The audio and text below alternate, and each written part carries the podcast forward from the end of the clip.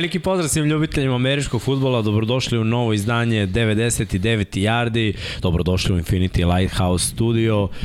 Danas smo onako malo oslabljeni, krenuli su odmori, što najče, i ti si na odmoru, ali yes. nisi mogao da me ostaviš ovde samog. Nikad, nikad. To je bro. to. Nikad, bro. More, more da ostane tandem. Uvek mora. Pa to je naš na kombajnu koji je bio broj 1 i 2, taj, Tako taj, taj tako mora da, da ostane da Tako da nije ni slučajno što su i Srki i Jimmy na Anastaziji. Pa da. Nije. I to- Jedan zbog posla, jedan zbog uživanja, ali opet. Nisu Dobro, su e, mesto. Bitno je, bitno je da, da, da živi sport. Tako je. Živi sport. A mi ćemo naravno sa vama zajedno da prođemo sve neke zanimljivosti, da nastavimo sa ovim power rankingom, pošto nam je ideja bila da ga završimo, znači ove i sledeće nedelje i da se polako i sigurno To pripremimo. do kraja avgusta ono za, lepo. tako je, za NFL uh, sezonu koja počinje, inače predsezona je u toku, sigurno će odigrana uh, prva utakmica drugog kola, a mogli ste pratiti to na sport klubu, bio je prenos Chicago Bearsa i Seattle mm -hmm. Seahawksa i onako deluje da, da će ovo biti top 5 pikovi na draftu. Hoće mi sviđaju teklovi Sjetla i Cross No. i ovo iz druge strane isto čini se bio pik treće runde Da, za ove dva meča su dopustili samo jedan pritisak. jeste. Tako da to mi deluje ono obećavajuće za Seattle. Ali bilo je dosta nekih falinki u igri pre svega. Gino Smith igrao celo polovreme. Ajde, mi smo kao već krenuli malo sa, sa tom nekom pričom. Ali, ajde prvo ovako, pre nego što krenemo sa tom pričom, udrite like, udrite subscribe, Bravo. malo da, da pokrenemo algoritam, uh, da vidimo koliko vas ima u live-u. Jeste petak, jeste lepo vreme, najavili su kiš još i Beer Pa Fest. koliko je lepo vreme, brate, kažem, brate, bilo je oluje, evo, ja mislim da će stvarno ozbiljne kikijame da Pa rekli su da će da bude, ali to su rekli prošle nedelje, pa ništa. Pa dobro, vidiš. Ona kao, ka- ja se, ti Srki otvori uh, na s vremena na vreme terasu, čisto prožiš, ispruži da. ruku, znaš, da vidiš da li je slučajno kiša ili ne. Da, da, tako, da. tako prethodnog vikenda isto, bit će loš, bit će loš, ja ustajem ujutru, krećem na trening s klincima. Sunce. Ne, ne, ne, bila je kiša, bilo je hladno. Ja rekao, to ono, super je to za treniranje, ali je loše vreme, bukvalno moment, ono kad je počeo trening, posle 15 minuta kreće sunce i kreće da isparava ono od kiše i Pa to je to. To, to je, mislim, bilo najavljeno 23 stepena i oma kaki, to se diglo na, na 29 odmah. Pa ćemo da vidimo sutra. Sve u svemu, ne znam koliko vas ima, pogledat ću posle. Pogledat ću posle, ali eto, svakako like, subscribe, što vas više ima u live-u, to je bolje. Za sada 50, dobro, idemo lagano. lagano. Nisu ljudi navikli da budemo tačni, znači se uključe za 10 Nisu minuta. uopšte navikli, ist, Da. ist, istina, istina. Ovaj, ajde onda da se bacimo na, na tu predsezonu, na tu utakmicu koja je odigrana juče. Uh, šta bih rekao, Field sasvim solidan drive, jednom koji je igrao.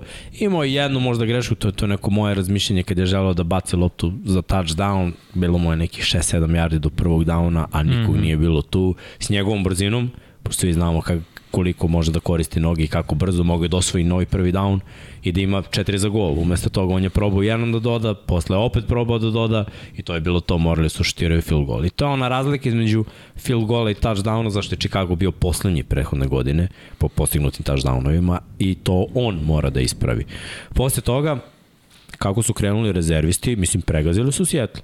Uh, Gino Smith igrao celo polovreme, Seattle je imao prva, prva dva drajeva, three and out, Te prve tri akcije igrali su DK Metcalf i, i Lockett. Pa to Dike igrao tri, da, sam Tri akcije, tri, tri akcije. Tri and out, sledeći tri and out, one nisu bili tu.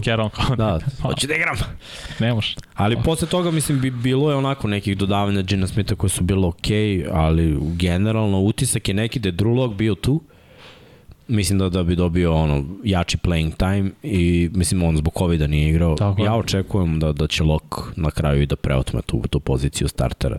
Nekako mi del baš je bilo ono svi kažu da je 50-50 kao i za Bakera i za Darnolda, ali nije nekakvu separaciju napravio Smith sinoć i to je možda onako na, naj, najslabiji utisak Sijetla. Mnogo prekršaja, 100 yardi kazne, Znači to je ono mlada ekipa koja će dosta grešiti i to je ono kad mi pričamo o pritisak rebuild. vršili Ne, ne. na Fieldsu. Jedni i drugi su leteli na teklove i vršili dobar mm. -hmm. pritisak. Imali, da kažemo, dosta i promašenih obaranja, ali kad pogode bila su dobra obaranja. Online i jedan i drugi mi je bio okej. Okay. Znači, bilo je i dobrih rašava, bilo, pazi, i trčanju su jedni i drugi imali preko 100 yardi, još nije igrao Walker. Tako koji ima nije igrao ni- operaciju, da. ovo, kako se zove, Hoću kažem hernia na engleskom, Da, ali kila. tako je. Kilo, sportska kilo. Sports kill koje je pitanje je da li će biti spreman za Pa, prvu nedelju. Da, ni Penny nije igrao, nego su Mhm. vrteli neke druge, i ovam dobro nije igrao Montgomery. Bilo tu par igrača koji nisu igrali, bilo je ono naravno Rokuan Smith priča. Inače, Seattle prodaje dresove Russella Wilsona koji su ono ostali u proizvodnji na 50%. Pa, pošteno. Pa daj da rešimo neki, ovde fali na nemamo nijedan Seattle, daj za Jel nemamo 50 stvarno dolara. Seattle nije. Nemamo ni jedan. Daj da nekog Imali smo povučemo. majicu Seattle. A majica je zelenu. majica, dres Russella Wilsona je dres to Russella, još ima i oni tačno. drečavi zeleni. Daj da rešimo Mogli bi to. stvarno to da rešimo. 50% iskreno. popusta ove sezone dok se svi ne da. rasprodaju, a mislim sad niko neće ga kupuje tamo, jer su Tako je, oni znači možda ponosni. padne još više cena. Ne, ne, ne. Ja sam, ja sam za da, da, da, da ne nestane, da ne nestane. Ovaj, ali eto, neki ukupan utisak moglo je bolje, nije, nije, nije bila baš neka utakmica 24-0 kad je bilo meni je dalovalo ono, Chicago delo ozbiljni, Iberflus je nekako odradio svoju priču i bilo dosta toga ono šta će Rokuan Smith Mm -hmm. meni on deluje kao da je rešen ono, da dobije mnogo para ili da ide dalje sve naginje na to mnogo para jer Pool, njihov generalni menadžer, kaže da uopšte nema nameru da mu daje taj ugovor sada, jer oni, on sada je još uvek pod ugovorom, tako da on, oni su u rebuildu, njih to ne zanima, vidjet ćemo da li će naći nekoga ko može da ponudi dovoljno Šta je pikova, ja dovoljno? mislim. Pa, ne znam šta je u njihovoj glavi dovoljno, Šta je ali s tebe dovoljno? pa da imam takvog igrača koji je ono all pro da kažeš ono drugi tim, prvi, drugi tim. Ne može bude prvi, ali možda bude drugi. godine. Okay. Pa da, i ima svih uh, godina od kad je u NFL-u preko 100 teklova, prošle godine imamo 163, znači ono mašina za obaranje i to sa raspalom defanzivnom linijom. To znači da u boljem sistemu on može da igra dobro. Znači imaš pika bukvalno prve runde kog moraš da daš. Ako ne daš pika prve runde, to su ono možda u dve godine dva pika druge runde ili neka druga i treća. Mislim, to je realno. Ne možeš ti sad da tražiš za njega kao da je, ne znam, ko to je ipak linebacker. Da. To je, to je problem i to više nije premium pozicija u NFL-u. Da, nije. Premium pozicije, offensive tackle, edge, naravno Da, quarterback, edge. sad postaje hvatač sve više samim tim i cornerback, tako da to su neke pozicije. Da li ti možda nađeš neke igrače u zamenu za Roquan Smitha, to je pitanje, jer je, vidimo očigledno Chicago M potrebna pomoć offensive liniji, potrebni, potrebna su oružje za Fieldsa, Tako da možda bi to bilo najbolje da nađeš tim koji želi da traduje svoju prvu, drugu hvatačku opciju ili ofenzivnog linijaša koji je nezadovoljan, tako da taj neki fazon da bude. Pa moguće. Vidjet ćemo, znači to, o tome će se pričati još i ja verujem da, mm. -hmm. ono, A ovo je njegov poslednja godina na ugovoru ili još jedno ima nakon. ja mislim da mu je poslednja, ali mislim, zvanično je pod ugovorom i Da, ono, da. razumem njega, video je u NFL-u da ljudi kad imaju ono poslednju godinu žele produžetak ugovora. U principu Chicago ima mnogo para u kepu. Tako da malo čudi što neće da mu daju ovo, ali opet mogu s druge strane da razmislim da, da oni žele da ono prave neku novu priču, da im nije cilj da ono takvog igrača potpišu sada, na Mhm. takvoj poziciji u stvari, jer je riskantna pozicija. Znaš, linebacker je ono, sad je vrhunac karijere i ne znam, potpišeš ga na četiri godine, možda se povredi već ove ili sledeće i ti protraćeš linebackera. Mislim, a možeš da ih da, to je kao running back, on, nažalost, potrošna roba. Više igra ide u smeru, što ti kažeš, jeste online, može da bude pik prve runde, možeš da dobiješ pik prve runde za edge rushera, možeš za defanzivne bekove. Defanzivni bekovi, znači skočila im je vrednost mnogo više od linebackera, je svi igraju dobio, više dodavanja. Tako je Jamal Adams, na primjer. Na primjer, da. Koji nije zapravo ni cover safety, tako da. Ali naš igra poziciju i Tako onda je. si u fazonu kao može da se desi. Mislim, ni on nije igrao sinoć, ali šta znam. Sve o svemu ne, neki ono njanjav utisak. Uh, nisam, nisam siguran ovaj, da, da i jedni i drugi mogu da se takmiče da budu konkurentni sa malo boljim ekipama Teško. u. NFC-u. Ovaj, pa ćemo videti dalje šta će da bude. Što se tiče našeg drugog podnaslova, naše kao glavne druge vesti, saznali smo koliko mm -hmm. će Deshaun Watson da dobije utakmica kazne, to je 11 i s obzirom da je mi smo prognozirali od 6 do 8 i stavili smo ih onako kako smo ih stavili na, na ovom power rankingu, ali sa 11 utakmica bez njega. Tako. Cleveland je po mom mišljenju ono samo treba ono da ode još dole. Sad naravno postoji šansa da oni dobiju neke tekme, ali 11 bez bez njega sa Brissettom, to mi već deluje na onu sezonu od 3-4 pobede. Pa tako Max. delo za sad plus da dodamo da je i 5 miliona usto novčana kazna koja će ići u dobrotvorne svrhe, ali ovo je sve bilo stvar pregovora između NFL-a i NFLPA-a. To se znalo odmah na početku, NFL je hteo, Roger Goodell je hteo cela sezona, oni su bili srećni sa šest utakmica i našli su na sredini klasični pregovor plus ovo je najveća novčana kazna za bilo kog igrača i to poprilično velika razlika koja je na drugom mestu. Čak neki ni vlasnici kad su kršili pravila nisu dobijali ovolike kazne. Pa da. Tako da nekako, ok, NFL je stavio do znanja, ovo je naš stav, mi nismo zadovoljni što je samo šest mečeva bez ičega sa ovim, kao sa ovim su svi zadovoljni, kao obe strane su zadovoljne, to jest obe više strana zapravo je zadovoljno. A što se tiče Brownca, neko su i očekivali ovo. Zato je ugovor tako i organizovan da ove godine prima koliko? Minimalno. Mm, u Dešon Watson. Da, vrlo, tek, vrlo kada malo. bude, tek kada bude počeo da igra full time, kreće ugovor. Tako je. Znači o, ove godine je tako nekim... je strukturiran da. ugovor, tako da su oni očekivali nešto slično Just. ovome i oni su okej okay s tim. Pa pod, imaju pod, Dešon Watson ima podršku Brownsa, što je za njega najvažnije. Pa mislim i oni su toliko naš uložili da za njih više nema nazad. Mislim i oni su rekli no, kad se ukaže prilika da ovakav talent superstara dovedeš, mm -hmm. ugrabiš priliku. Mislim i to je to. Možda neće biti ove godine, biće sledeće, njega ne mogu za isto delo da kažnjavaju 10 puta. Tako da ono odležaće kaznu sada da, ne može da dođe e, to, do to. kraja oktobra u facility. Može da trenira do kraja avgusta. Da to je neće to igrati njenu presezonsku utakmicu, to su rekli, treniraće malo s ekipom, onda neće smeti da uđe u prostorije do kraja oktobra, a kada bude ušao moći će da trenira Tako dve je. nedelje i tek od 14. novembra može da igra i to baš zanimljivo gostovanje u Houston protiv Mislim, Texansa. Neki priči kao da je bio i jedan od planova NFL da izbegne taj meč sa Buccaneersima. Ne znam zašto kao Tom Brady, ono lice franšize, ne bi da ga mešaju sa time, ali ok, kako ovako bar će biti zanimljivo prvi meč protiv Houstona. Da, to će biti, to će biti zanimljivo. Da Ko je domaćin? Houston. Jel da, da znači vraća se u Houston, da, idealno. Da, da. Biće to zanimljivo.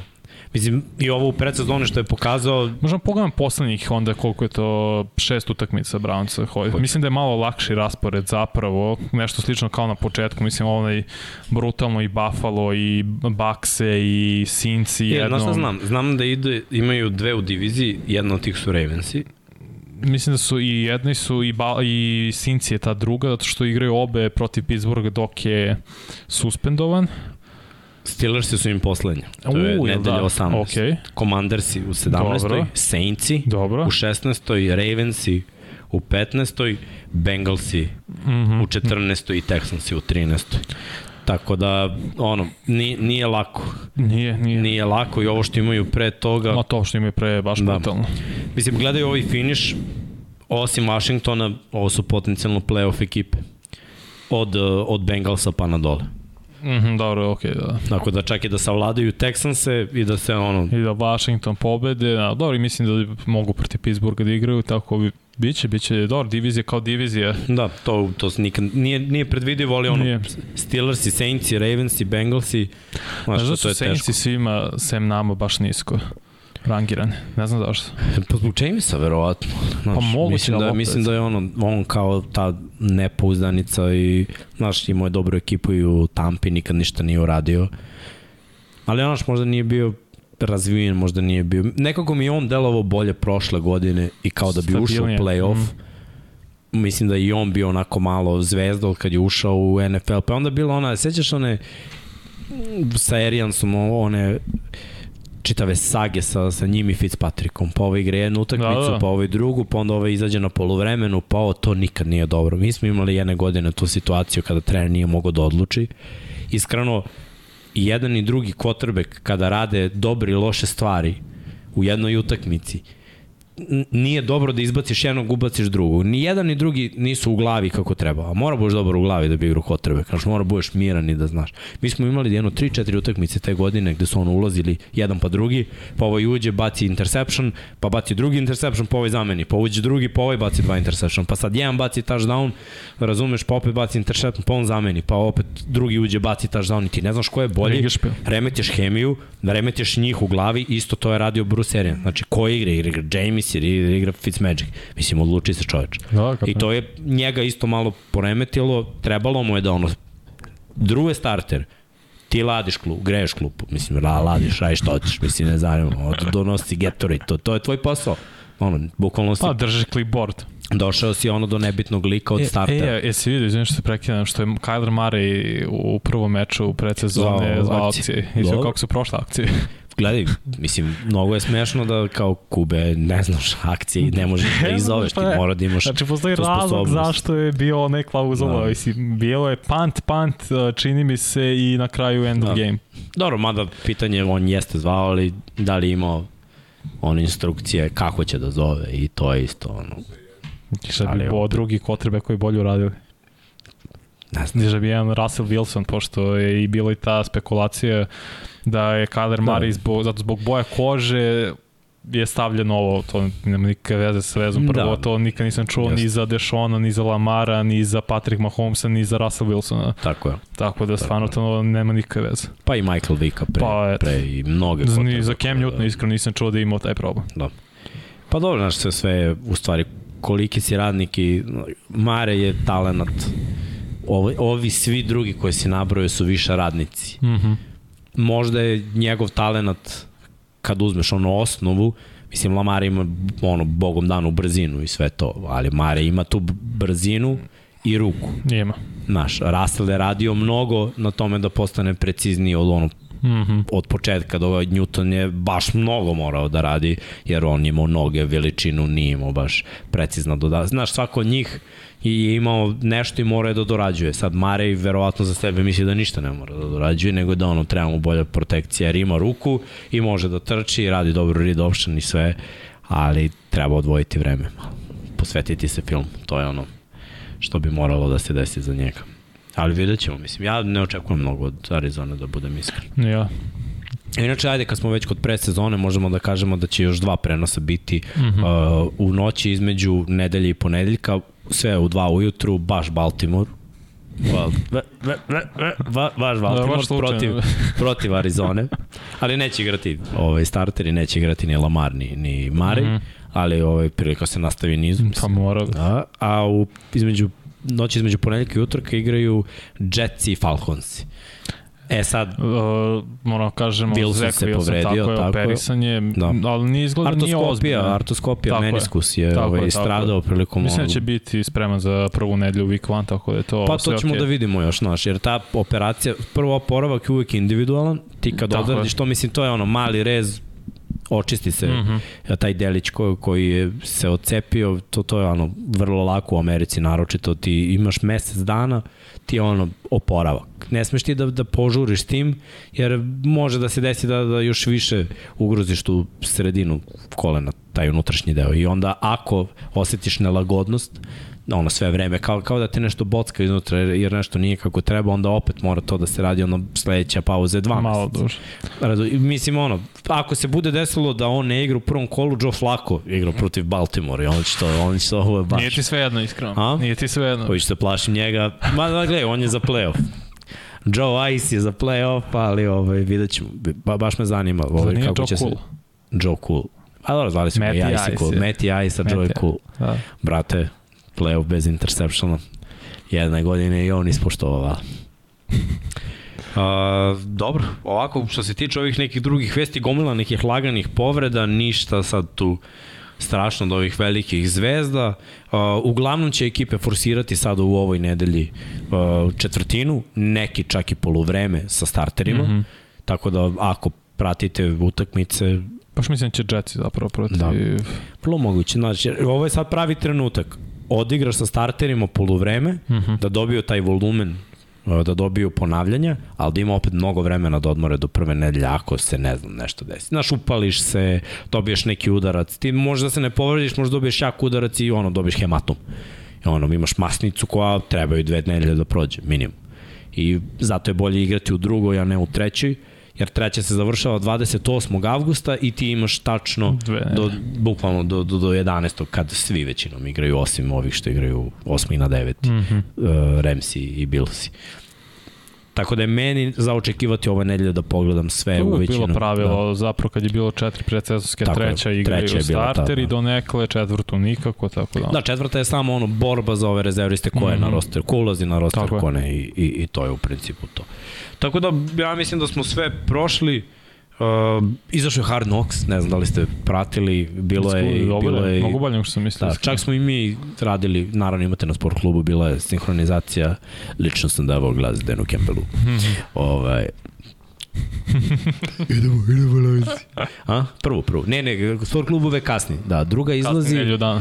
Da, druga, ako se ne varam, koje dan beše kad izlazi? Petak veče. Ja mislim da, da znači, po njihovom vremenu petak na subotu da, da, da. da će izaći, znači sad druga. Tako da, ovaj, to je što se tiče toga, ali mi tu drugu sinhronizujemo tek utorak, emituje se u sredu. Oh. Tako da, da, da je to to. Derwin James je dobio novi ugor i sad Jeste. je najplaćeniji safety ikada. Dobro. Što je bio zaslužen 90 miliona, 90, 19 miliona po godini. Svako ko je sada plaćen, najplaćeniji Naj, tako je, tako ikada. Je. Ali ovaj, ovo je, ja mislim, prava cena za safety u NFL-u. To, ako imaš nekoga ko, ko je ovakav talent, jedini problem za Dervina James je ono, biti zdrav. Ali je. bio je zdrav prošle godine, bio je zdrav u ruki godine, video si potencijal i ono, daj mu kintu, a on je valjda posle dovoljno pametan da uloži te pare sad u yes. sebe, u zdravlje, jer je, ono, mislim, dobro, nesrećno se povredio prošle godine, mislim, pretpošle da, u stvari. Da, 2021. Da, to je ono, nešto na što ne možeš da utičeš. Koliko god da si spreman, kad napraviš break i, i kad te izda koleno, ti, tu ne možeš ništa. Koliko god si spremao i stezao, jednostavno, ili ti je suđeno, ili ti nije suđeno. Nadam se da, da će ostati zdrav, jer ovo, ovakvi igrači ne, ne možeš često priliku da ih gledaš. Ne, stvarno je poseban talent tako ta veličina i, i ta brzina, ta mogućnost da se pokrije toliko Futbolski terena. Futbolski IQ da. pre svega.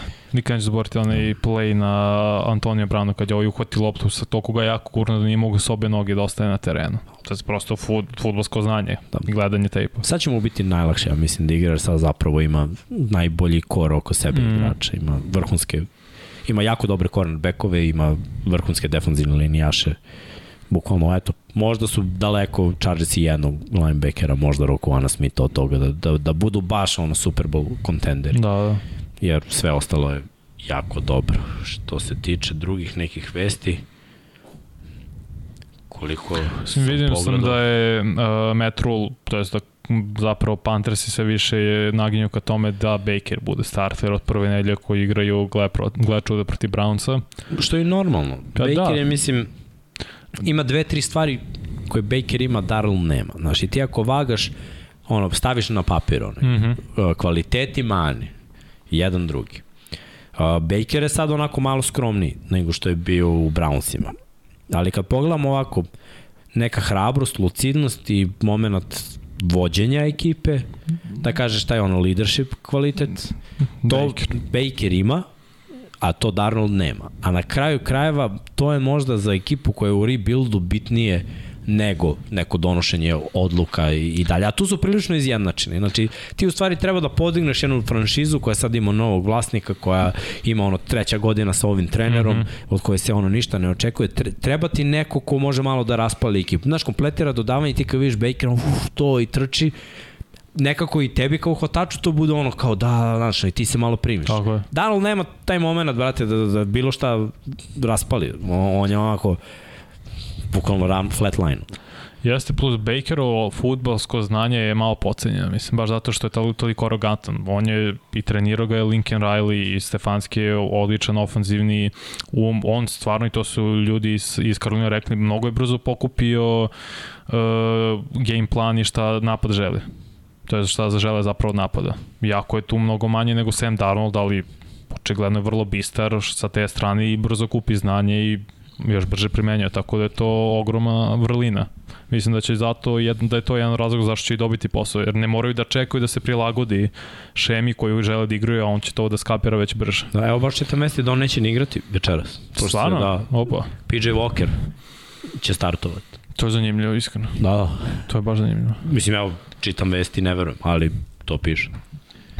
Ovaj. Piše da će ovaj startovati, da ovaj neće igrati. Ne, piše expected to start. E sad... Da, da, pa dobro, možda će sva trojica. Očekuje se Sam Darnold da, da, da će igrati, mm -hmm. a Baker se ne pominje. Dobro, možda su i videli dovoljno. Mislim, ovi, ne, ne znam s kim igraju Panthers i da li imaju, s kim imaju scrimmage. Sa Evo, scrimmage imaju sa Patriotsima. Ja mislim da su ti scrimmage validniji u poslednjih par godina nego same te predsezonske utakmice. Na ciljen skrimidžima možda vežbaš tačno ono šta želiš u napadu da vidiš. Da. I možda vežbaš koliko hoćeš puta. Dogovori očigledno postoje. Tako da mislim da su oni na tim skrimidžima videli dovoljno od Bakera protiv Patriota i rekli ok, i on interno su dogovorili to je naš quarterback, startni quarterback, ne moram više ništa da vidimo dodatno i to je Pa, to. Videli su malo i u Cleveland. Mislim, svakako, ako uporediš sve dobro što je uradio Baker i sve dobro što je uradio Darrell, mnogo više iza sebe ima dobrog Baker. I, Ima i ima na i kraju bolji dana, tim, to je da se to. razumemo, ajde se da... Ok, ej, ali ovde, Mnogo. ovo je isto dobar tim. I da mu Dim, potencijal. dobar tim prošle godine i ništa. A sve zavisi na McCaffrey. Na Ima i toga, da, ali, zdravlju Christian McCaffrey. ali opet kad pogledaš i opcije neke druge i Karolina ima pristojan, Ok, da li je pristojan Karolina talent. onda, gde smo ih mislili, 26? Dole, dole, znaš šta, stavili smo i dole iz Da nekog može razloga. da bude u borbi za eventualno taj poslednji wild card. Može, mesto. ako sve one utakmice za koje smo mi sumnjali da oni mm. -hmm. mogu da dobiju, oni reše. Sa šta je potrebno za to?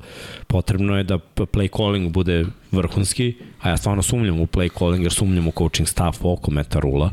Uh, potrebno je da se odluče za jednog QB-a koji će izneti sezonu, znači moramo da vidimo. Opet, znaš, sve je nešto ako se desi. Ako Baker bude mm -hmm, imao vrhunsku sezonu, ako McCaffrey bude ostao zdrav, ako ofenzivna linija odradi svoj posao, ako ova odbrana ostane produktivna kao prethodne sezone, e, onda će, će A Karolina imati, da kažemo, ono, možda 8-9 pobjeda. Dele mi da je ofenzivna linija i draftovan McVono, a potpisali su Bouzmana. Jesu, gledaj. Corbett isto, čini mi se, nekad igra u Clevelandu potpisan, a bolje to izgleda sada. Jest. Ali u diviziji imaju dve top 5 Jeste, front brutalno. 7 defensivne da, da, linije. Da, da, To, znaš, to je četiri utakmice gde to je pakao. nije lako, a ove su svi uigrani.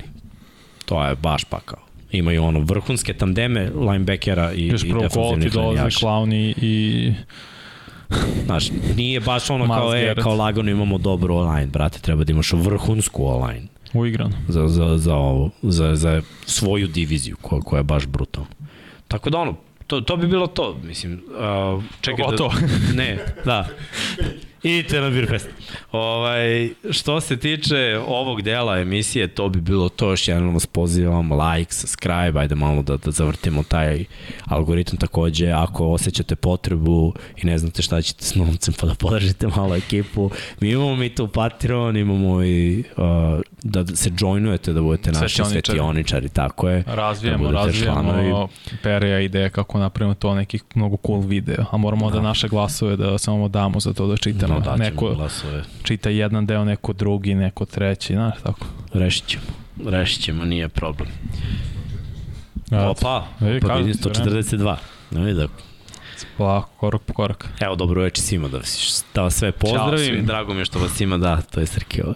Drago mi je što vas ima u tolikom broju i možemo u stvari da se bacimo na glavni deo naše emisije, a to Može. je Power Ranking. Tako da Srki piši taj kod, nemoj posle opet nas prozivaju. Ali naravno, upisano je Znam, bukvalno to šta je. veče. be. Znam, znam. Samo što mora na kraju, zapravo na početku mora se doda Stavi 0, nule. 0, sve nule. Da, Početak. početak. Da bi registrovao kompletno. Da. Ovako samo ovo klikneš to iskočiš. To, ljudi, učimo, učimo, još uvek učimo. Sva, svaki podcast naučimo nešto, svaka emisija naučimo nešto, je. sve što radimo. Na, samo učimo. Tako, Napredujemo mi. komšije bile pa se oduševile. Da, i da vi niste bili i da vi niste bili tu hiljadu puta uz nas, isto, isto neke stvari ne bi naučili, a, a naučili smo i tako.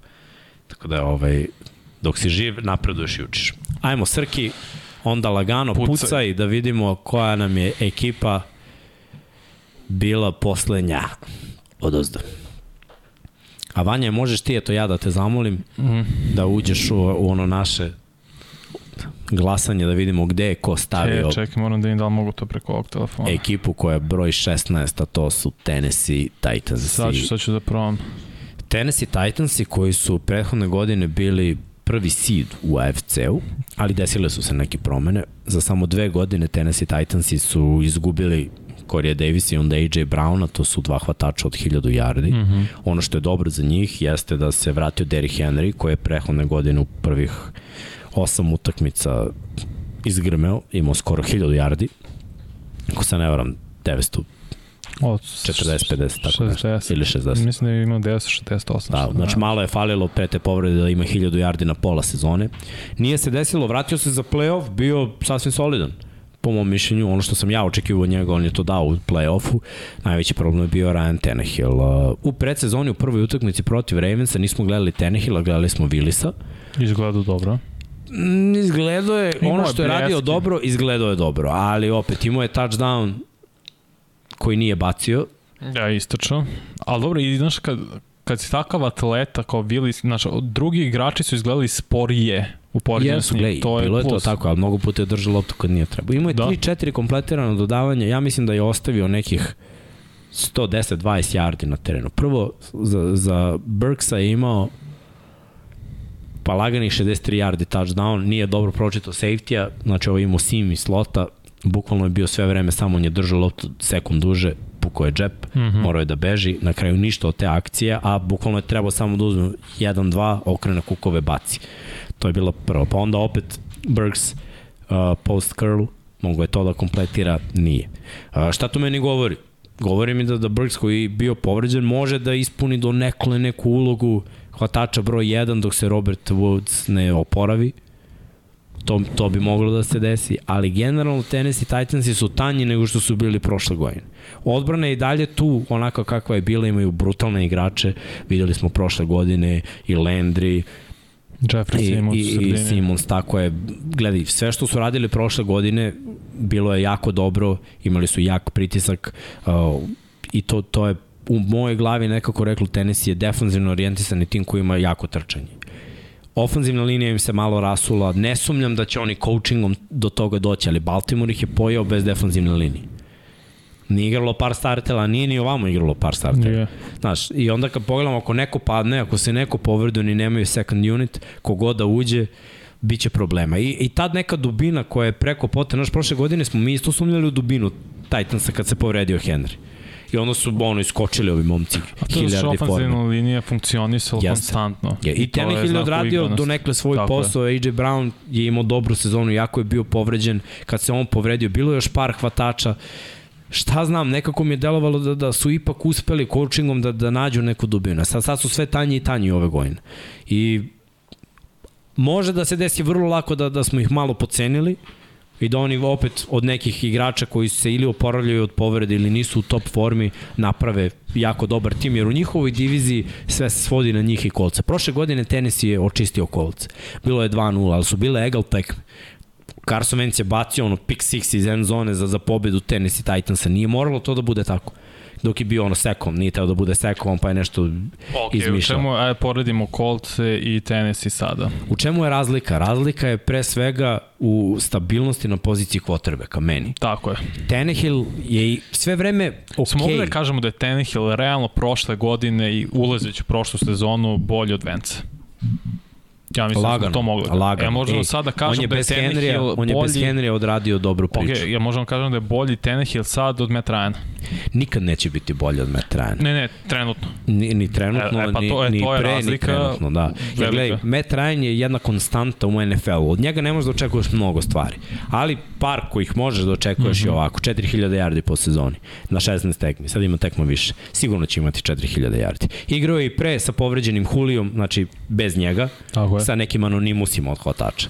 Napravio je prošle godine od Pica koji jeste zver. Sve je to super. Ali, brate, lopte su išle tamo gde treba da idu. Tako je. I, i Pic imao preko 1000 yardi zahvaljujući tome. Calvin Ridley, koji isto bio ono samo potencijal, imao je preko 1000 yardi. Uvek je pronalazio neke hvatače i od njih pravio taj tendove takođe.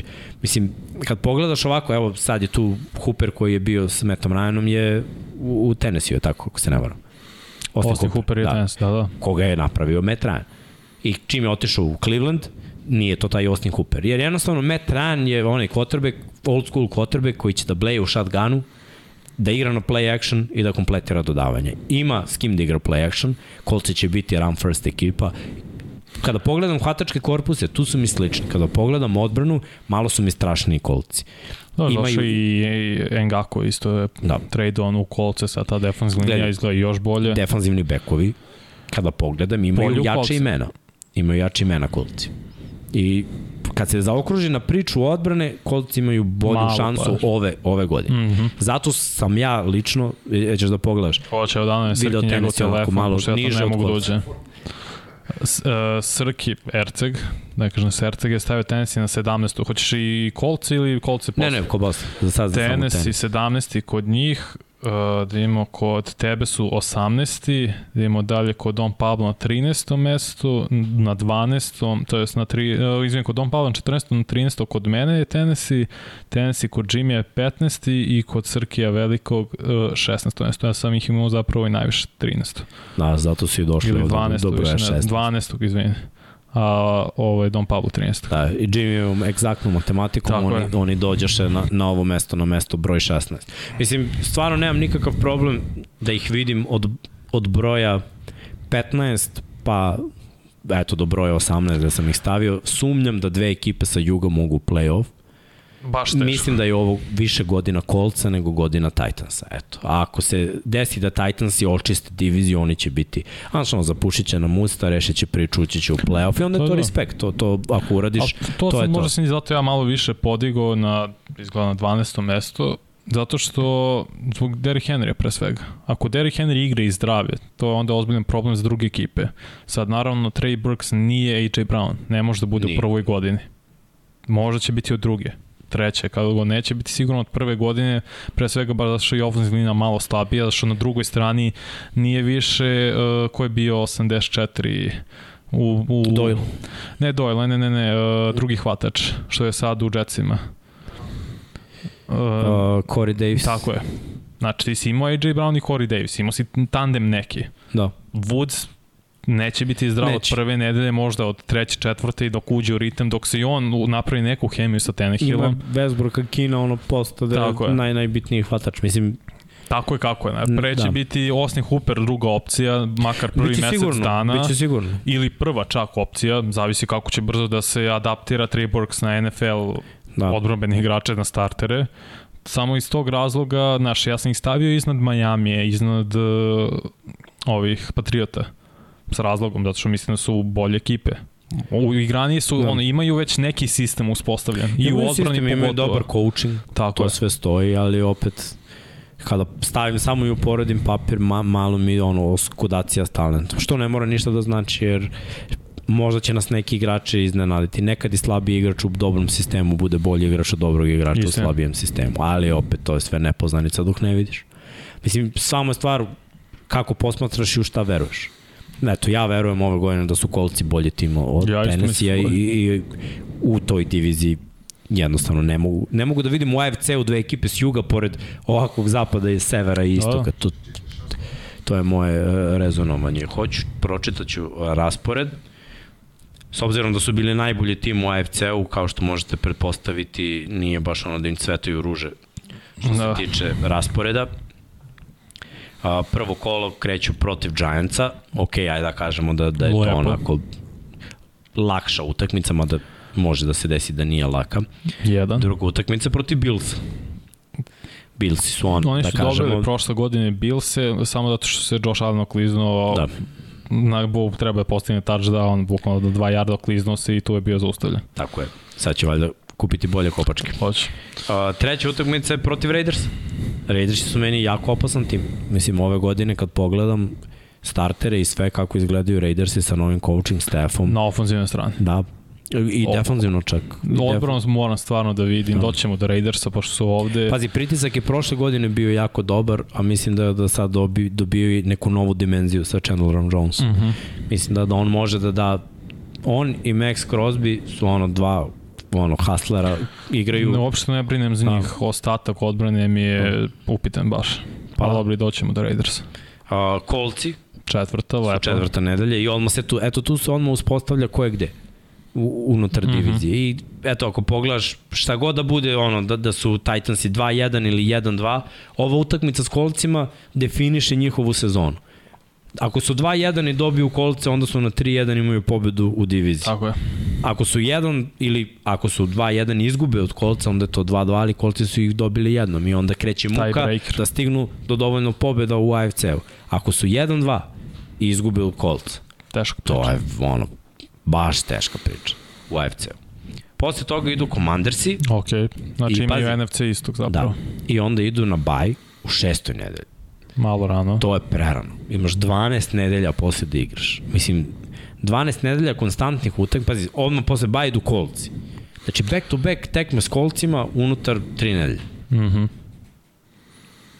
To, to je stvarno pitanje. I ja opet kažem, nekako vidim da će kolci ovo da reše u svoju korist, to je moje viđenje, jer prošle godine mi je delovalo da će Tennessee to da reše u svoju korist i bilo je napeto divizije, ali su Titansi rešili, jer nisam verovao u Venca. Sad nekako ne verujem u dubinu, jer pazi, ove prve utakmice, sve je to, znači oktobar. Ja ne znam, ja mislim da Vuc neće biti u fullu u oktobru. Mislim da, nema, da, da je prerano da se on vrati na 100% u septembru i oktobru. Tek da treba vremena, ono da. krajem oktobra, možda početkom novembra da on postane onaj stari Robert Woods u kog ja verujem da je top receiver jer je dobar bloker i, i, i radi mnogo ali on je zapravo opcija broj 2. I onda su nekako limitirane opcije. Sa mm -hmm. Tannehillom koji neće napravi igrača boljim. Tannehill treba neko da čupa, znaš, on bat Tannehill to može, on bi ostao u Miami. Ne bi on između ostalo. došao u uopšte. E, onda ide ovaj malo lakši deo rasporeda, Ok. to jest utakmice koje su za Tennessee pobedive, jer im dolaze ekipe koje mogu da, da im legnu, dve ekipe. Texansi, to je prva, ja verujem da, da će okay. to biti, to je divizija, blowout verovatno, jer ono, moranje je, ako si on ozbiljna ekipa, ako želiš u playoff. Dobro, Sledeće, čekaj, koliko sad imaju onda? 2, 3, 3? pa da, ajde da kažemo, da kažemo. U, znači u 7, ok, 3, 3. 3-3. Uh, u stvari u 8 smo, ali je bila jedna baj. Znači, 3, 4. 3-4. Ok. 3-4. Onda imaju Chiefs. E sad, Chiefs su po mišljenjima mnogih onako jaka ekipa, ali gledaj, Tennessee ov- ovakvi Chiefsi mogu da legnu. Chiefsi na početku sezone koji još nisu ušli defanzivno u onu Dobro, to je njihovu nedelje, priču. Dva, dva meseca skoro prošlo. Tako je, ali gledaj, njihova odbrana je uvek ono, kanta dva meseca. I onda krenu da igraju ono, krajem novembra, decembra. Tako Chiefsi kreću da igraju odbranu. Ja verujem da će svim, na svim ovim utakmicama Henry, ako bude zdrav, 150 plus yardi imati. E sad, neke odbrane će mu leći, neke ne. Protiv kolca teško da možeš da trčiš. Sumnjam da možeš i protiv Billsa toliko da trčiš. Mislim, ono, on je uhvatio taj neki priključak na kraju Da, da. te utakmice prethodne godine, ali mislim da su se Billsi pojačali. Protiv Chiefsa realno možeš da trčiš, mislim, to, to, to ti je game plan. Kako pobediti Chiefs? Ja bi trčao. Bukvalno bi uveo ono jumbo umesto taj tenda još jedan ofenzivni linijaš i stavio bi taj tenda na full backa i gazi. Chiefsi nemaju personal za to.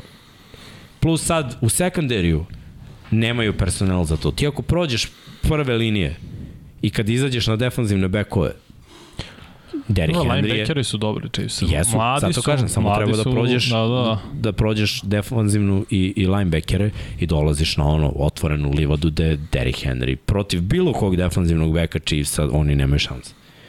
I to mi je ono. Plus, imamo sad neke situacije sa Chiefsima u napadu gde nema više Terika Hilla, gde je Harmon povredio preponu, eh, gde tražiš sad ono Sky Moore, da li on taj hvatač koji treba da, da, da postane top 3 opcija, ili je Juju, mislim, ja ne verujem da je Valdez Scantling, uh, koja je njihova priča sa ofanzivnom linijom, znaš, Orlando Brown, da li će da igra, nije dobio ugovor, da li će da igra pod franchise tagom, Tako ima tu hiljadu nekih stvari, hiljadu nekih pitanja, Tennessee ima agresivnu odbranu. I ono, ovo je utakmica u kojoj ja vidim da može da padne ta pobeda za, Ok, znači za 4, 4. Titans. E sad onda imamo ovako, 3-4 ekipe koje mogu i ne mogu da legnu Titansima. Prvo idu Broncosi. Broncosi su u desetoj nedelji Broncosi sa Russellom Wilsonom su ekipa koja može i da trči i da dodaje. Koji su do 10 nelja uigrana. Jesu. E sad je samo pitanje znaš ono, kako će odigrati i jedni i drugi, ko, ko je tu, gde moramo da vidimo. Znaš, mene zanima ko će biti, da će Javonte da bude starter za Denver ili će da bude Pa, Melvin dalje je Gordon. Melvin Gordon zvaničan Da. starter zapravo. Ali sam čitao nešto da, da, ono, da oni guraju iznutra Za Javonte. Denver mislim da je pitanje da će biti zdravi i Chubb i Randy Gregory. Pogotovo Bradley Chubb. Da, To je stvarno ogroman znak pitanja. Nije, mogo, nije bio zdrav poslednjih nekoliko godina. tako je. I treba Propušta sada. sada nekoliko meča. Ali sve o svemu ovo mi je, a, znaš ono, može da ode na obe strane. Takav mi je meč. I- Denver ja vidim ove sezone da, da će mnogo biti utakmice koje će oni dobijati i gubiti, ali biti konkurentni. Mm -hmm. Isto to je i Tennessee. To, to je ta neka kultura koja, koja će se prenati. Sledeće su Packersi. Ja se sećam utakmice, ono, Packersa i Tennessee Titansa, ono, bilo, bilo je hladno, skoro nešto. I ovaj, meni je delovalo onako, Tennessee trči, znaš, ono, ne znam koliko mogu Packersi tu da- razlika je što sad i Packers prinesu. trče. E sad, tako je, sad se nešto malo promenilo, odbrana Packersa je Odbrana bolja. Packers, ja mislim stvarno Da. ljudi ozbiljno pocenjuju se to top 5 Da. odbrana najavi. To je Gledaj, na svakoj poziciji toliko popunja, toliko dubine da je to jezivo. sve stoji. Ali eto, i da im dam tu poraz, u sledećoj nedelji dolaze na Bengalse, Jesmo im dali poraz protiv Denvera? pa tu bi im dao tu potencijalnu pobedu. Dobro, znači znaš. 5-5. Tako je. Protiv Packersa, šta znam, Pa Da- protiv Packersa poraz. ajde da kažemo, poraz sledeće ne, ne, nedelja su Bengalsi. Mislim, utakmica u play-offu protiv Bengalsa ti je bila klasični pokazatelj da je to to. Mislim, stvarno su bili egal. Šta je bilo promena? Ono, Tannehill, tri interceptiona. Je Oni su imali, oni su imali, oni su imali pobedu. Pa gledaj, isto tako ko što, ja o- i dalje vidim devet sekova kao najzabrinjavajuću stvar. Šta je promena sad? Tannehill ne treba da baca toliko da bunari, jer Bengals je nema mnogo bolje AJ Browna, tako bi je. trebali da imaju. u teoriji. U teoriji, ali opet Znaš. to je već 11. ili koja 12. nedelja. Si- Uigranost bi trebalo Da. već da bude. Jesi gledao 300? Dobro. Kaže, besmrtnici, stavili smo to ime na test. e, razumeš, eto, bukvalno to, bolja ofenzivna linija. Verujem da, da ovo, ovo će biti derbi. Još i u 12. nedelji. Ovde će se odlučiti u AFC-u ko ide, znaš, ko ide dalje, ko je, ko je ono top dog.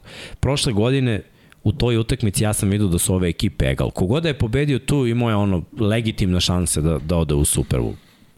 Tenehill je ono zakupo Titanse. Ne znam da, da li je, ako bude odigrao dve loše utakmice protiv Bengalsa, on ti je ono jasno da sledeće godine ideš u rebuild sa Willisom. Bukvalno ti je jasno. Da Tenehill nije to. Dobro, i šta ćemo onda? Ja bi im ovde dao. Ok, 6-5. Uh, što se tiče sledeće utakmice, to su Eaglesi. Eaglesi su meni jak tim, baš jak tim. Jesu. Ali su isto tako mlad tim koji su ono, ne, ne, nepouzdani. Mogu da pobede i da izgube od svakog. Tako mi je bilo i prošle godine. Bilo je utakmica gde su mi bili onako baš konkurentni.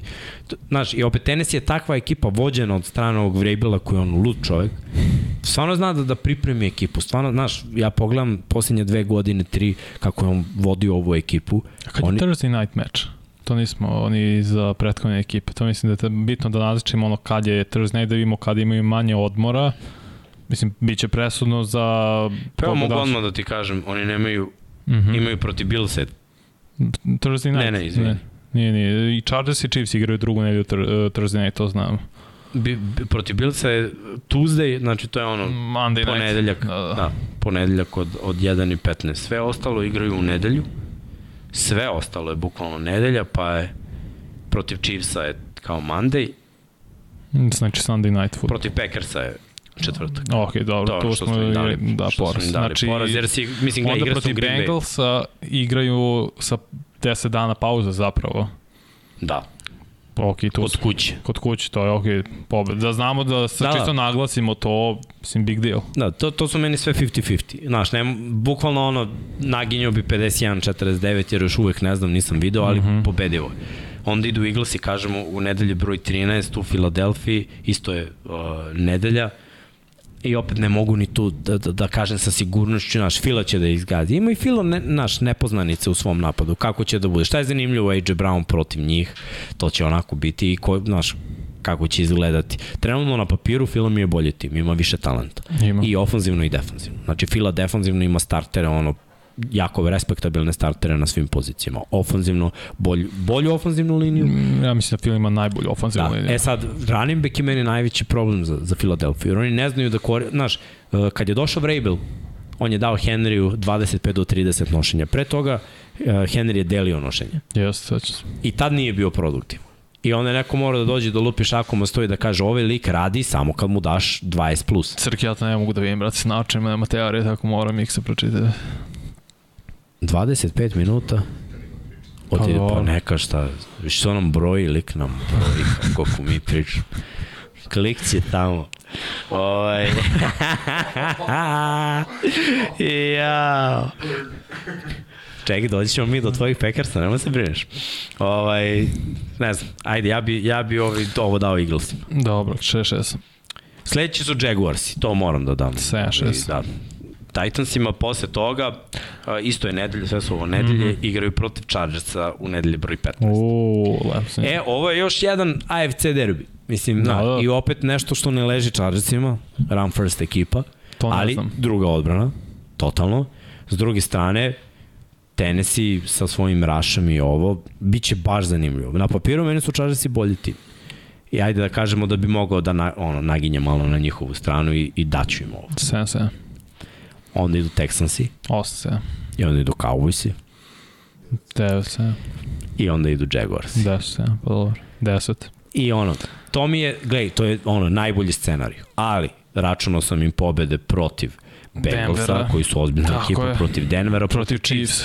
To, su- znaš, dao sam im tri pobede koje mogu da budu tri poraza i umesto 10-7 To je može da bude playoff tima. 70. I zato su mi oni tamo gde sam ih ja stavio na broju ono 18 ili 17 ili možda ovde 18.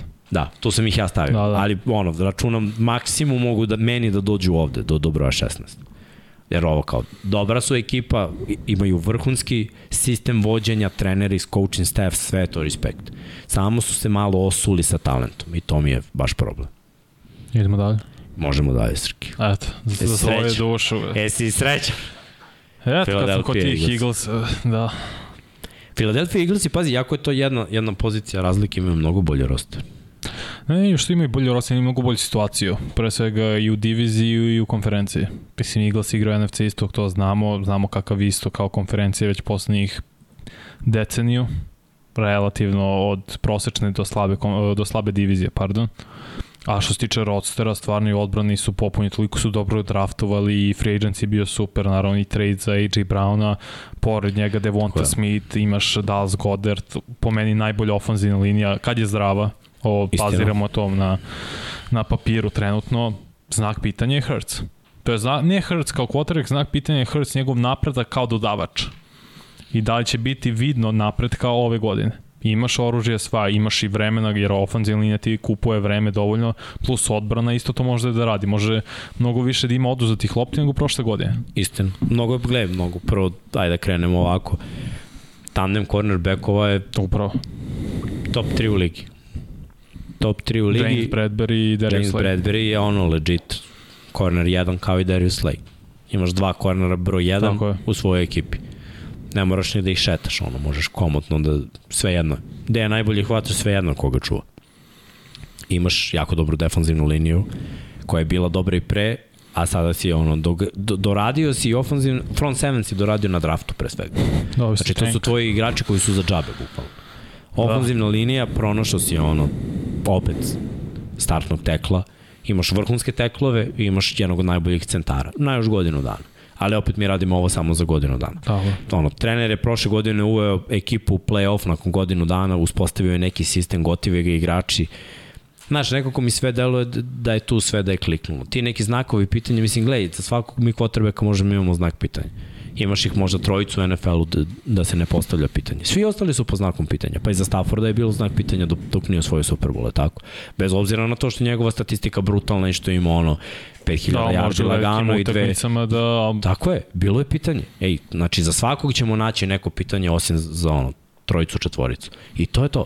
Tako da ono, ovo je defini, meni je Fila čak onako malo, malo i bolja.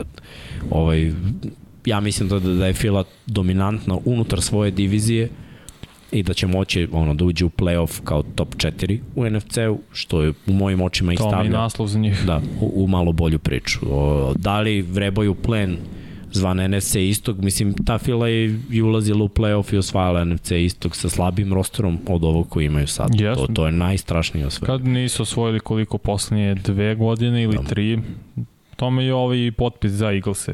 Da. Ti, to ti je sledeći korak. Ušao si u play-off prošle godine sa 9-8, ovo ti je sledeći korak. Osvoji Jeste. diviziju, probaj da budeš treća najbolja ekipa u konferenciji. Ne moraš nužno ti da budeš kao četvrti da ulaziš. Probaj budeš Da. kao treći. To je taj sledeći korak koji moraš da napraviš. Da. Ovaj, šta znam, ajde vidimo gde smo ih stavili. To, to mi je onako... Srki je stavio, sad ćemo da imamo Filu, Filu, Filu, Filu na 16. mesto, ti si ih stavio na 13. mesto, Don Pablo ih stavio na 19. crnio ih je. Baš ih je zakupao Pablito. Baš, baš, baš. Ja sam stavio na 14. mesto, Jimmy isto i Srki veliki isto. I konsenzusom time je 15. zbog Don Pablo. Da, Ukratko. dobro. Eto, znači sad znamo zašto su, zašto su toliko pali. Dobro, ajde ja da, da pogledam ovaj uh, Fil bi raspored. trebao biti malo lakši raspored nego ako gledamo Dallas, zato što je baš bila druga u diviziji. Tako da tom nekom Pa logikom gledaj, se va, vodimo. generalno, generalno kad krene sezona imaju par lakših utakmica. Mhm. Mislim, mogu baš da, da zavežu onako nekoliko pobeda. Kreću s Lions. Mislim, meni je ovo no-brainer. Isto. A, druga utakmica je protiv Vikingsa. Vikingsi su baš ono neugodni, ali opet imaju novog Gde? trenera i sve. U Fili. U Fili, da. da. Ali opet on nekako... To mi je sad znak pitanja gde su Vikingsi, to, to ne znam. Na papiru mi Filo deluje kao bolje. Mislim, Stavili smo ih svi iznad. da, Sem ja bi, ja, bi, ja bi ovde dao da ja bi ovde dao Vikingsima poraz. I onda treća nedelja je protiv Commandersa, opet To moraš da rešiš. da, to moraš da rešiš ako hoćeš u playoff četvrta nedelja protiv Jacksonvilla, Isto. peta nedelja protiv Arizona. Isto, ne, meni, meni je Fila mnogo bolje. Šesta Arizona. nedelja, šesta nedelja protiv Cowboysa, E, tu, mislim da će tu da se odluči zapravo... ali si igra u Fili. Se, ob, sezone opet im. I sad Cowboysi u posljednjih par godina rešavaju Filu, ali to je bilo Upravo. u posljednjih par godina. Šta to može da bude malo drugačije. Ali ovaj, ako ovde Fila, pazi, Fila ima Fila može otvori 6-0. Od, može otvori 6-0. E, šta nije dobro, idu na baju u sedmoj nedelji. Onda ih čeka onako ba, baš Da.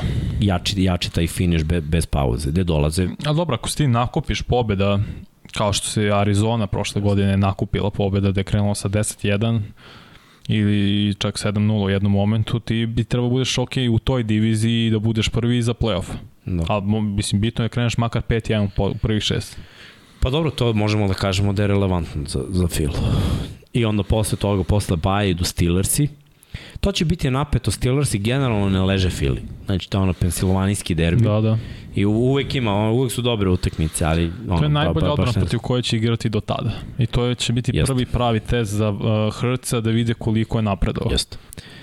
Nakon toga idu Texansi, Uh -huh. to je pobeda u moj, mojim okay. očima, pa idu Commandersi. E sad, znaš, ono, pravo je pitanje da li mogu da očiste tipa Giants i Commandersi. To je ono što, naš prošle godine isto Giantsi su baš bili kanta i dobili su Filu, jer je ono, Fila je imala glupave greške, na- znači bilo je, Sećam se. znaš, ono, ovaj baca za touchdown, Rigor ispušta, posle toga šta je bilo, na- znam da su ono izgubili za, za, za jedan posed, nikad gluplje, imali su ih pet puta da ih dobiju na toj utakmici. Da kažemo da je sad 8-1.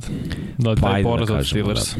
E, onda dolaze ovako tri ozbiljnije ekipe, gde će biti teško. Kolci su jedna od njih, opet mm. -hmm. jaka odbrana sa dominantnim running backom u napadu, pa onda idu Packersi, opet jaka odbrana sa dvojicom running backovi i Aaronom Rodgersom koji ono, ima rešenje obično. Onda idu Titansi, jaka odbrana sa dominantnim running backom. Tri game plana koji moraju ono da budu u principu slični, sem što Rodgers može da ih rastavi pa ne mogu toliko Da, da, da. da, da, da pune boks. To je okej, to je 9-3, pošto su im dali protiv Tennessee pobedu, Da. to je 9-3. E onda finish sezone im je da kažeš malo laganiji. Ja bi, ja bi možda dao sve do kraja.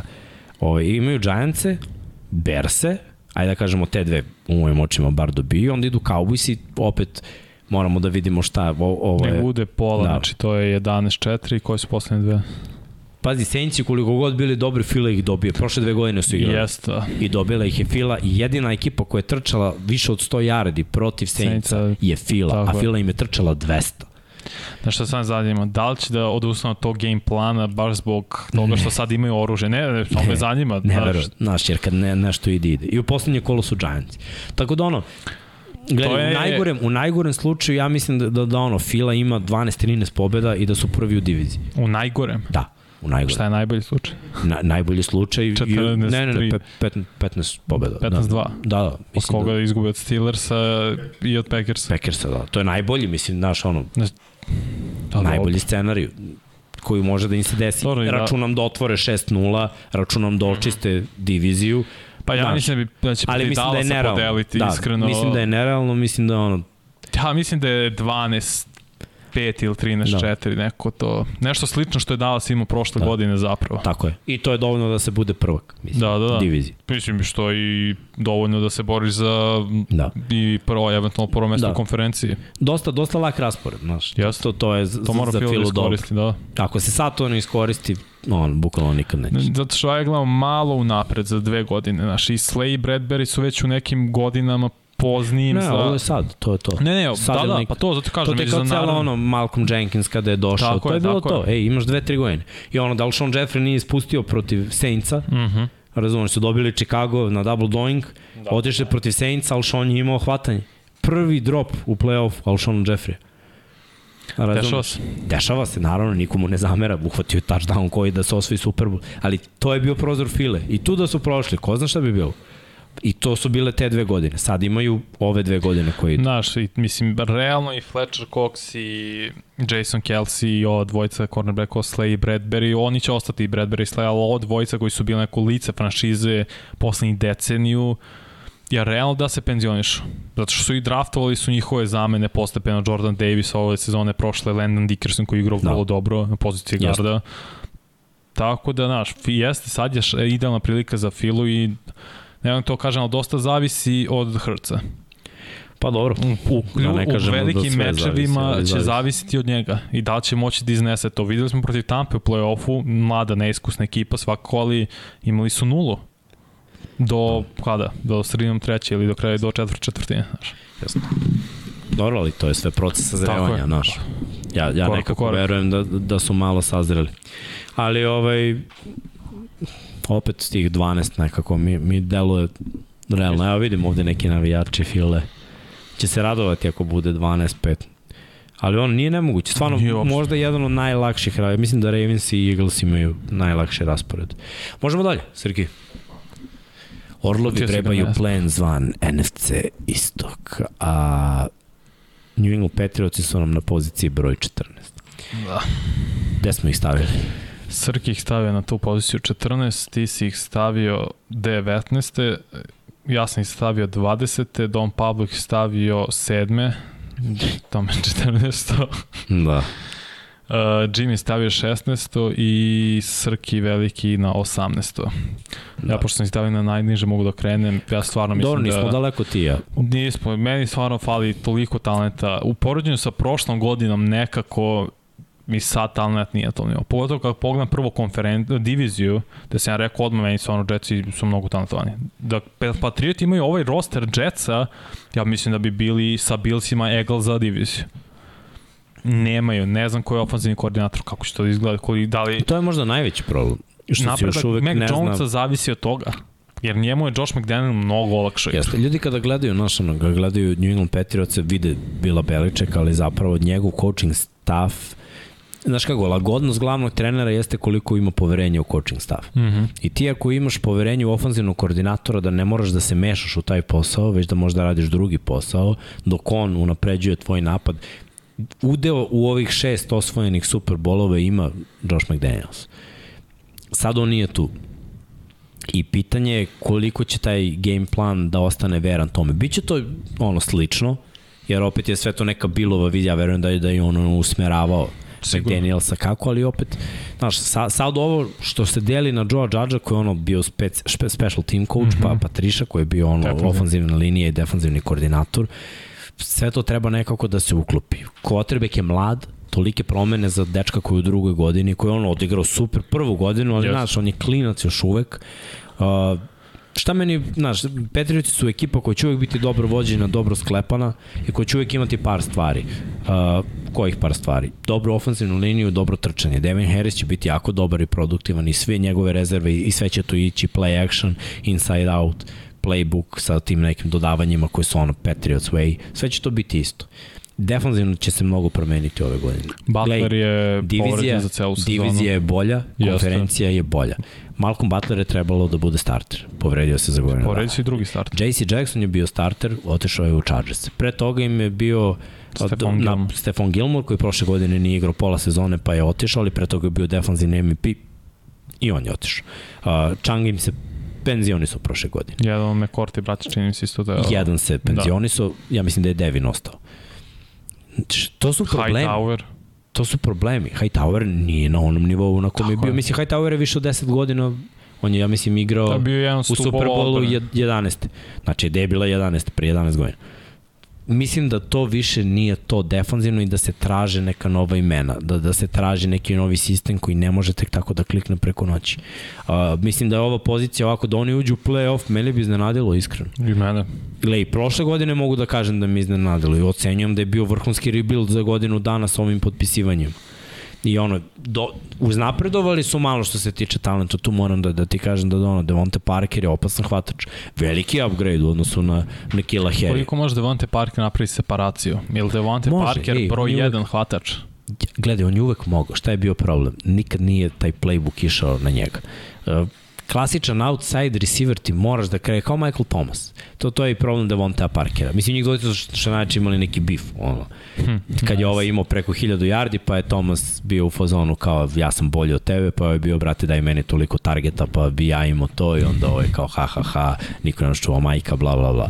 E sad, koja je priča? To su hvatači koji su krupni, atlete, visoki, znaju da se zagrade, ali nemaju tu brzinu da ono, pobegu. Naprave separaciju to. Ali gledaj, oni prave dovoljno separacije da iskoriste svoje telo. Takvi prototipi, svi ti preko 6'3, ti ne moraš da imaš 2 metra separacije kao kad si 1,75 m. Kad si nizak, ti mora da imaš kao veću separaciju da bi napravio nešto. Kad si ogroman, imaš duže ruke. I uglavnom neka hvatanja koje manji hvatač ne može da napravi, ti možeš. Znači, kad je DB na leđima, ti kad pružiš ruku, ako si visok, ti si to te lopte pre njega. On mora da ima pola metra dužu ruku da, da bi stigao do, do Nešto tebi. nalik Sherman. Tako je. Na primer. Koliko ima Jelena Remzija na DB-u u, NFL-u? Nema ih mnogo, Vrlo malo. razumeš? I to je prednost Devonta Parkera, ja verujem, ali opet on mora da ima targete od, da bi uradio nešto. Ali opet talenta imaju, stvarno imaju. I Born je jako dobar receiver koji je ono all around receiver, sve radi. Imaju dva produktivna tight enda. Ja mislim da, da, da šta je fora kod Petrioca, da njima treba samo dobar balans. Oni nisu kliknuli na početku prošle godine. Izgledali su loše. Pa u jednom trenutku su počeli da izgledaju dobro, pa su izvalili Demijana Harrisa, pa je on podivlju, pa je krenuo trči dobro. Mislim, on je čak i propustio neke utakmice i ima preko 1000 yardi. Znači oni imaju identitet, imaju sistem, u principu imaju sve, ali jednostavno drugi timovi imaju neke bolje šanse. Evo možemo da prođemo kroz raspored. To je ono što mene najviše brine za njih. Oni su ušli u play-off prošle godine i, mm -hmm. i, i sada ih ono čekaju neke teške tekme. Nedelja broj 1, Dolphinsi U Miami. Koji su izloženi, koji ih dobijaju jednom godišnje. Kakvi god da su, oni ih dobiju jednom godišnje. I ja mislim da će ih dobiti i ovi. Jer sad je drugačija filozofija Dolphinsa. Sad su oni run first team, imaju onako dosta talenta, defanzivno rade nešto što ne leži nikome. Prilično su agresivni i imaju dugog cornerbacka u Xavieru Howardu koji igra jako dobro. Evo, mislim, i koja god bude bio starter na poziciji cornerbacka za Patriote, Da. da. ni susreo sa brzinom ni Vadla, a ni Tyreek Hill. Gledaj, oni su igrali s Tarikom Hill. Svake godine kad igraju Patriots i Chiefs, nisu imali nikad rešenja A za Tarika ne znam da Hill. su, da, da. Znaš, i sad možemo mi da pričamo, ja, pa to je tu i ovo, brate, Mahomes bacio ono, screen za Hilla i ovo i uradi sve drugo. Znači, za Tyrika Hilla, on je prošle godine imao 2-3 dodavanja od 30 plus yardi. Sve ostalo je kratko i on pravi neku priču. Kad čuvaš Tyrika Hilla 1 na 1, ne ideš na bump. Odeš 8 yardi off i on će da stane posle jednog koraka da uhvati loptu, ti ako kreneš previše agresivno, on će da te izbaci i da te pretrči da osvoji 10 yardi. Minimum. Ali tebi je pametnije to nego da priđeš na bump i da pukne fade za, za 30 ili više. Menja igru mnogo Tyreek Hill. Zato, zato ja verujem u Dolphins, jer verujem u Tyreeka Hilla. Druga tekma je protiv Steelers. I to je u Pittsburghu. Opet, ne znamo šta će da bude, bit će Mislim zanimljivo. da će Steelers, iskreno sam Steel, baš s tome razmišljao, starti Pickett odmah. Ne, ne, Mitch, ja mislim da start. Star, a nema šta da izgubiš, što ti znaš i šta su Trubiski i šta je Rudolf. A ovaj dečko igrao na koleđu, igrao četiri godine bio starter. Na, nije to kao priča uh, Trey Lance, Stoji. Jordan Love, Zach Wilson koji su igrali po godinu dana, bili starter, ovo je starter četiri godine. Ima E. iskustva. Igrao je što najgore na tom stadionu, već Jeste. stadionu Jest. bivšem Heinz Samo što Fieldu. ja mislim da, da će se sačekati greška Trubisku. Znaš, mislim da, Mhm. mm -hmm. da, da, I opet, da Tomlin neće da gurne klinca zbog svih veterana u odbrani. Jer im duguje neki, Tomlin tako vodi ekipu, on im duguje neki respekt, jer on veruje da i s Trubiskim oni mogu da, da odu u playoff. mislim da Steelersi veruju da Ima mogu da odu da u će play-off. sad za drugi meč više igrati Pickett Da, sa da, starterima. I zato što je video od Trubiskog dovoljno. Mada Pickett je realno igrao, Jest. možda je bio i najbolji quarterback. I Sam, Meni je i Sam ovaj okej. Howell isto Meni je iz Washingtona su bili, baš su odigrali Gledaj, svakako. Steelers imaju dosta talenta, mislim, ti, mi možemo pričamo sada da je tu kao George Pickens. Pickens ubija, mislim, ona neka hvatanja su brutalna. Plus je Claypool i on su ono dva visoka, plus Fryermuth i Deontay Johnson koji Najee dobio Harris. ugovor. Samo je ofenzivna linija meni tu najveće Jest. pitanje, ali I ovde ćemo videti, znaš, ovo je, ono, ali ajde da kažemo, Steelers su im 50-50. U trećoj nedelji dolaze Ravensi, iz- izvini, da, dolaze Ravensi u, na Mhm. Foxboro i opet, to je utakmica u kojoj će biti ono, mnogo ružno za gledanje utakmica. Trčat će jedni i drugi, bit će mno, mno, mnogo, znaš, ali Ravensi trenutno po meni, ako gledamo igru trčanjem i sve to, imaju, imaju bolje trčanje jer imaju quarterbacka koji trči. I to, I to je ono jedina razlika u ovakvim utakmicama kad su rovovske bitke protiv trkačkih ekipa Ravensi su ja mislim dobili svaku tu bitku. Čak i ono su bili egal protiv Tennessee da, Titans, tu je jedino. ali opet nisu izgubili, bili su egal. Tako da ko zna. Ok, 1-2. Ajde da kažemo tako. Protiv Packersa ne mogu da vidim da, da dobiju to, ali zato mislim da lagano dobiju sledeće tri, možda čak i četiri. Dobro. Lionsi, Brownsi, bez Dešona, Bersi, Jetsi. Ok. To su utakmice bude u kojima mogu da vidim Patriotse da dobiju. 5-3. Je pet, 5-3, 8 da, utakmica. bilo je 1-2, pa 1-3, Da. 5-3, ok. ok. E, onda idu kolci, Dobro, malo teže. ajde da kažemo da, da, da je tu poraz i deseta nedelja je baj, možda i ono pravo vreme, pravo vreme za Baš na sredini. Posle toga imaju Jetse, Da, ne mogu da im dam ovo protiv Jetsa. Pa, je, moram da im dam obe protiv Jetsa. Znaš Dobro, zašto? Zato što ne verujem u ofanzivnu liniju Jetsa i poslednjih nekoliko godina oni ubijaju Jetse samo zato što quarterbackovi imaju problem. Jer, jer Bill, Bill spremi game plan sa blicevima, sa raševima, stantovima, tako da uvek quarterback Jetsa ono, baca na pamet loptu. da. Ja mislim da je prošle godine bilo da je Wilson bacio četiri Jest. interseptiona. Jeste. Protiv njih Darnold je bacio pet. Darnold vide duplo, Ili, da. je, e, zato što on uvek prikrije coverage i daje blic koji oni još nisu videli. Okay. Ne sprime se za to, To i, i zato, 6-3. zato Jets još uvek nemaju, a da je tu Beckton, znaš da, da ofenzivna linija je pojača, ja mislim da ofenzivna linija Jetsa je problem najveći. Talenat, skill talenat i defanzivni talenat im je ubistven. Ali online za Jets je problem 15 godina. I ono, vidjet ćemo da li će da ga reši. Mislim, doveli su oni neka pojačanja. Ovi ali- Tom, ovi Lincoln Tomlinson iz San. Francisco Levi Guard, ale- Elijah Vera Tucker, Došao je i Dwayne isto. Brown, mislim, Da ali, ali gledaj, ali da. to su sve i- ono, igrači na zalasku. Brown, na primjer. Brown I još jeste. neko je došao. Znaš, I on treba da bude startni levi tackle. Nije to ba, nije, znaš, i u Seattle ima problem. Da zaštiti Wilson. Wilsona, ali ovog boljeg. Šta znam. Ne mogu da dam Jetsima ovde. Dobro, okej, moram, 6-3. moram. Uh, sledeće je Minnesota. E, to je sad, opet moramo da vidimo šta je Minnesota, ofanzivno, to jeste talentovanije, ali defanzivno nisam siguran i Minnesota. Mislim, ima tu napretka, imaju neke bolje igrače, ali ovo je 50-50. Ovo je kao u stvari Dallas, New England prethodne godine. Ja sam isto rekao da mi je egal tekma i je Da bio produžetak dobio. ili je bilo ono Bio poslednja sekunda. produžetak, CD Lamb u produžetku sa pobedu. E, ja očekujem možda eto tak, takvu utakmicu Ok, gde ono, 6-4. jedan može igrač da, da odluči na kraju. Posle toga idu Billsi. E, tu ne verujem Da. da ponoviti. Ok, 6-5. Da, prošle godine oni su podelili s Billsima. Videli smo Videli play-off kako, posle videli- zašto da. to neće play-offu smo biti. videli ko je, ko, ko je gde, ali hajde da kažemo da ono, Zar nije, Josh Allen nikad nije pantovao protiv Patriota? Je li ta Nije statistika nikad, ili, nije, ili prošle godine. prošle godine, Prošle godine. u tri meča nije pantovao? To. Znaš. Mislim da je Ni, da. ali zašto nisu pamtovali prošle godine, jer je vetar bio 80 na sat pa se nije isplatilo. Da, nije bio sve tri meča. ali su išli, ne, ne, ne, ovo je bila dominacija posle, Da, ali da. ova prva, gde su Prva. Petrioci dobili, Tako je je. bio toliko jak vetar da ono, tehnički ti je bilo bolje da Pa bacaš bio si na sad četvrtom. imaju bre ovog da. Boga na poziciji Pantera, što si da, bio, on je verujem mi, pantao 82 jarda. Brate, kada duva vetar, možda zabo... Ako duva vetar ka tebi i pantuješ, možeš da imaš ono, hulka, zaboravi, bukvalno zaboravi, znači, znaš kako leti ova lopta na vetru. Uh, ajmo, posle idu Cardinals. Cardinals su ono meni easy money za, za, za Patriots. Ja mislim da će se 7-5. Cardinals i raspasti ove. Ništa. 7-5. Posle toga idu u 15. nedelji, kako 7-5 kad smo u 14. Treba da ima jedna više.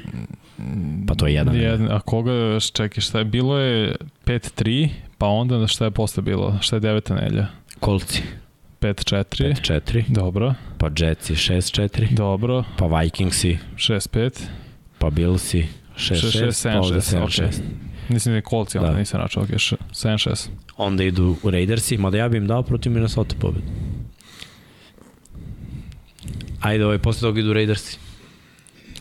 A? Vrti Josh. Reunion, McDaniels i Bill. Znaš da Bill, ovaj, kad igra protiv svojih bivših saradnika, asistenata, ovaj, rešava to u svoju korist. Obično. Ok, neka koliko, 8-6, nek bude. Bengalsi posle toga. 8-7. Dolphinsi. Mislim, ovo je sad na Foxborough. Nisu isti Dolphins. Nisu isti, da. Ali dao sam im jednu. Ne znam da li mogu da im dam dve. Dobro, ok, 9, Poslednje kolo je 9, protiv 7. Billsa, mislim da će ih Billsi očistiti. Znači 9-8. To mi je ono. I to je lošije od Tennessee. Pa da, pod uslovom naravno da Tennessee, Ne, Da. Filu ne gledam, gledamo AFC. da, 9-8. da. Ali ja mislim, to je ono kako ja vidim. Ja ih nisam stavio ovde, ja sam ih stavio na 18. Stavio- mesto. Je tako? Ili 17. 19. 19, ja sam ih stavio 20. Na, znaš, ja kako sam ih stavio, ja ne Ovo je mogu da super. ih vidim. Ovo, ako si ih stavio, ovo je super da, Da, imaju Ja ne mogu da ih pobeda. vidim drugačije. Mislim, svi mi imamo svo, svoj ovaj način rezonovanja. Ja jednostavno mislim da, da Petriuci imaju dosta mana. Najveća problem, najveća mana to za nedostatak ideje u napadu. U smislu pozicije ofenzivnog koordinatora i malo i osušen talent u odbrani. Ne znam, ja sumnju će Da. da. da napravi nekoga. Mislim, nismo ni mi ni znali da će JC Jackson postati ovo. Ali za to je potrebno vreme. Nije JC Jackson potrebno 2-3 godine da postane ovo. Nije postao u prvoj sezoni. Tako da sa, sa te strane mislim da Patriote čekaju jedna lošija godina i draftuju mi mnogo čudno, stvarno mi nije jasno uh, draftovanje da. Patriota u poslednje vreme. Pa, eto, tu mogu da potvrdim da smo bili u šoku i ti ja kad je bio draft ove godine. Ali dobro, mislim, šta znam. O, opet, mi sad pravdamo, ovo je naš ranking, e sad, ono, imali smo Pabla i... Pa, znaš, pa. Oni treba, Oni nije realno naše mišljenje, mi smo ih stavili dole, a opet Tako je. ovde, ovde nas petorica, šestorica, šestorica, š, to nije, to nije lako. Ništa, ajmo dalje. Ja ne vidim Petrovic u play-offu, eto. To. ja. Mi vidim i komentare ovde da, da su ljudi u tom fazonu. Ovo, vidim da ima neki komentara i, i za basket i ovo i ono, momci, evo daćemo vam 10 minuta posle Da, može. za Q&A pa pitate, pričat ćemo na sve teme, samo San pitate Francisco 49ers. da ostanemo još malo ovde na, na, na rankingu. San Francisco, ono da Ramsi nisu toliko, da kažeš, dominantni, da nemaju par pozicija koje su po mom mišljenju glavne pozicije, Zlatno dete. ovaj, to, to bi bilo verovatno bolje, imali bi šansu, ali realno gledano, A šta imaju bolje Ramsey u poređenju? Za početak, naravno. Broj 1 imaju quarterbacka, broj 2 uh, imaju najboljeg bolje kornera koji može pokupi opciju broj Naravno, 1. Jalen Rams. To mi, to mi ono. Ostatak ovako, to se izjednači. Ovamo defensivna linija, ovamo front seven, da kažemo ono, Vrlo slično. vrlo slično. Ofanzivne linije, bolja mi je od San Francisca, ali su izgubili koordinatora trčanja, koji je kreator ovog trčanja, mm. -hmm. tako da ono, pitanje je koliko će to da ostane isto, verovatno će malo da se promeni, prilagodi. Uh, igraće na poziciji running backa sa, mislim ono, šetaće druge running backove, nije to kao sad I Neno i na drugoj strani running backovi ako budu zdravi, ako sve bude kliknulo dobro, ali ako ne bude, tako nije. Hvatački korpus mi je bolje Rams. Jer Allen Robinson u mojim očima uživa baš onako veliki respekt, jer je imao 1000 yardi sa ono nebitnjakovićima. Dobro. Cooper Cup je brutalan hvatač. Broj 1, realno u NFL-u, broj 1, broj 2, gde hoćeš da ga staviš poređen sa Adamsom. I kad pogledam ostatak koji tu može da, da, da se priključi, u sistemu McVeja može da, da, da računaš Van Jefferson. na, na, na takvu Na neku pretnju, na, na primer. Ja se, ja vrlo verujem ono, Mhm. da, da se Odell vraća tu, tipa u ono, novembru, decembru. Da će biti sa Ramsey. Jer mu leži playbook, jer mu leži Stafford, ja mislim da, da je to ta konekcija ko, koju on tražio sve vreme od Elijah Manninga, s tim što je Stafford mali upgrade po mom mišljenju. Ali pa, pogledaj ti šta je on radio za malo vremena kad je samo naučio play. Pronašao se tamo, da, da. Pronašao se tamo. I da je on, gledaj, ja razmišljam ovako, već je igrao dobro u Superbowlu, bre, dao touchdown. Možda bi bio... Da, tako, no, MVP, onaj, da se nije povredio. Touchdown Coopera Kapa je kreacija za njega, bila.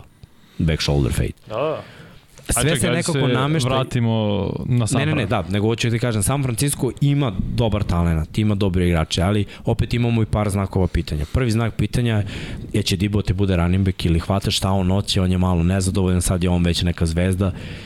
Problem. Trey Lance, nemam pojma što. To je najveće pitanje. To je stvarno najveće pitanje. Zbog toga ne mogu da ih stavim, znaš, prvo ovi su zvanični šampioni.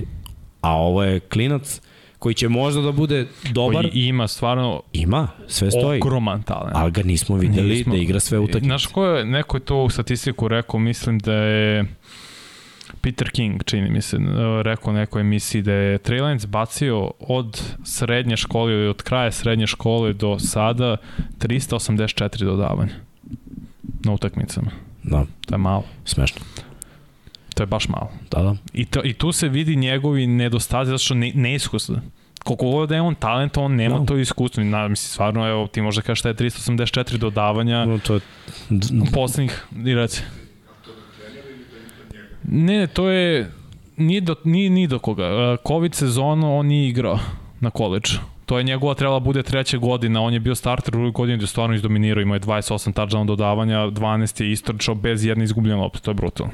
To se stvarno ne dešava, redko kad se dešava, ili imao 14 tiče, nije ni važno. Covid godinu nije igrao, pa zbog toga je taj nedostatak i onda prvu godinu je igrao ono, na posede neke u San Francisco. Tako će sad biti potrebno da se prosto navikne da uđe u ritam, da stekne što više iskustva. Bukvalno mu iskustvo nedostaje. Nedostaje, nedostaje i mislim u igranost u ovom sistemu ovakve teške utakmice u ovoj diviziji. Da. Uh, malo je lakša malo neki, divizija. Ima, jeste, ali ima standard koji mora da ispušta i to je sad jedno breme za mladog quarterbacka. Znaš, Jimmy G kad je došao u San Francisco, standard je bio u Patriotsima. U San Francisco nije bio nikakav standard. U tom trenutku kad je on došao, on je bio jedan od igrača koji je krenuo u taj preok. Mm -hmm. Znaš, ali za njega je standard bio ono svake godine Super Bowl. E, kapiraš, mislim, nije igrao, ali bio je već negde, a ovamo je bilo, ajde imamo pobedničku sezonu. Pa je od pobedničke sezone došlo se nekako do Superbola. Za njega sad, pazi, ekipa je bila u Superbolu već, bila u finalu u konferencije, to je standard i on mora da ispoštuje taj standard u svoj prvoj igračkoj sezoni. Nije lako. Znači, pritisak je veliki. Mora da uči. Pitanje je kako će odgovoriti na taj pritisak. Što današnje ovo vreme gde ono i mediji i distrakcije raznorazne i moraš mnogo da učiš, sve mora da ti bude servirano i sve da bude savršeno. A zapravo nije sve savršeno. Imaju i, i rupa 49ersi opet govorimo o ozbiljnom timu, govorimo samo zašto, po mom mišljenju, oni nisu top 8. Oni će ući u playoff. San Francisco je ozbiljan tim i uđeđe yes. u playoff, to je moje mišljenje, jer, jer igraju taj fizikalni muški futbol. Ja sam vam kažem, ti Srkih stavio na, dva, na 12. mesto, ti 15. Don Pablo 15. Ja sam stavio na 11. Uh, da vidimo, Jimmy ih je stavio na 13. i veliki Srki 15. Otprilike naš drugo mesto u diviziji ulazi u play-off, ali tako ne je. u prva četiri. I to je to. To je tako ja vidim. NFC je slabiji, možemo da pričamo o rasporedu. Mm -hmm. Sa San Francisco, znaš šta, sa San Francisco se nikad ne zna. Oni mnoge utakmice mogu da dobiju i da izgube. Ali ajde da kažemo, kreću sa protiv Chicago. Ok, laka. To, to je 1-0. Druga utakmica protiv Seahawksa 2-0. Mm -hmm. Seahawksa sam vidio sinoć protiv Chicago i, i to je to. San Francisco sa ono, drugom ekipom možda rešio ove dve. Treća protiv Denvera.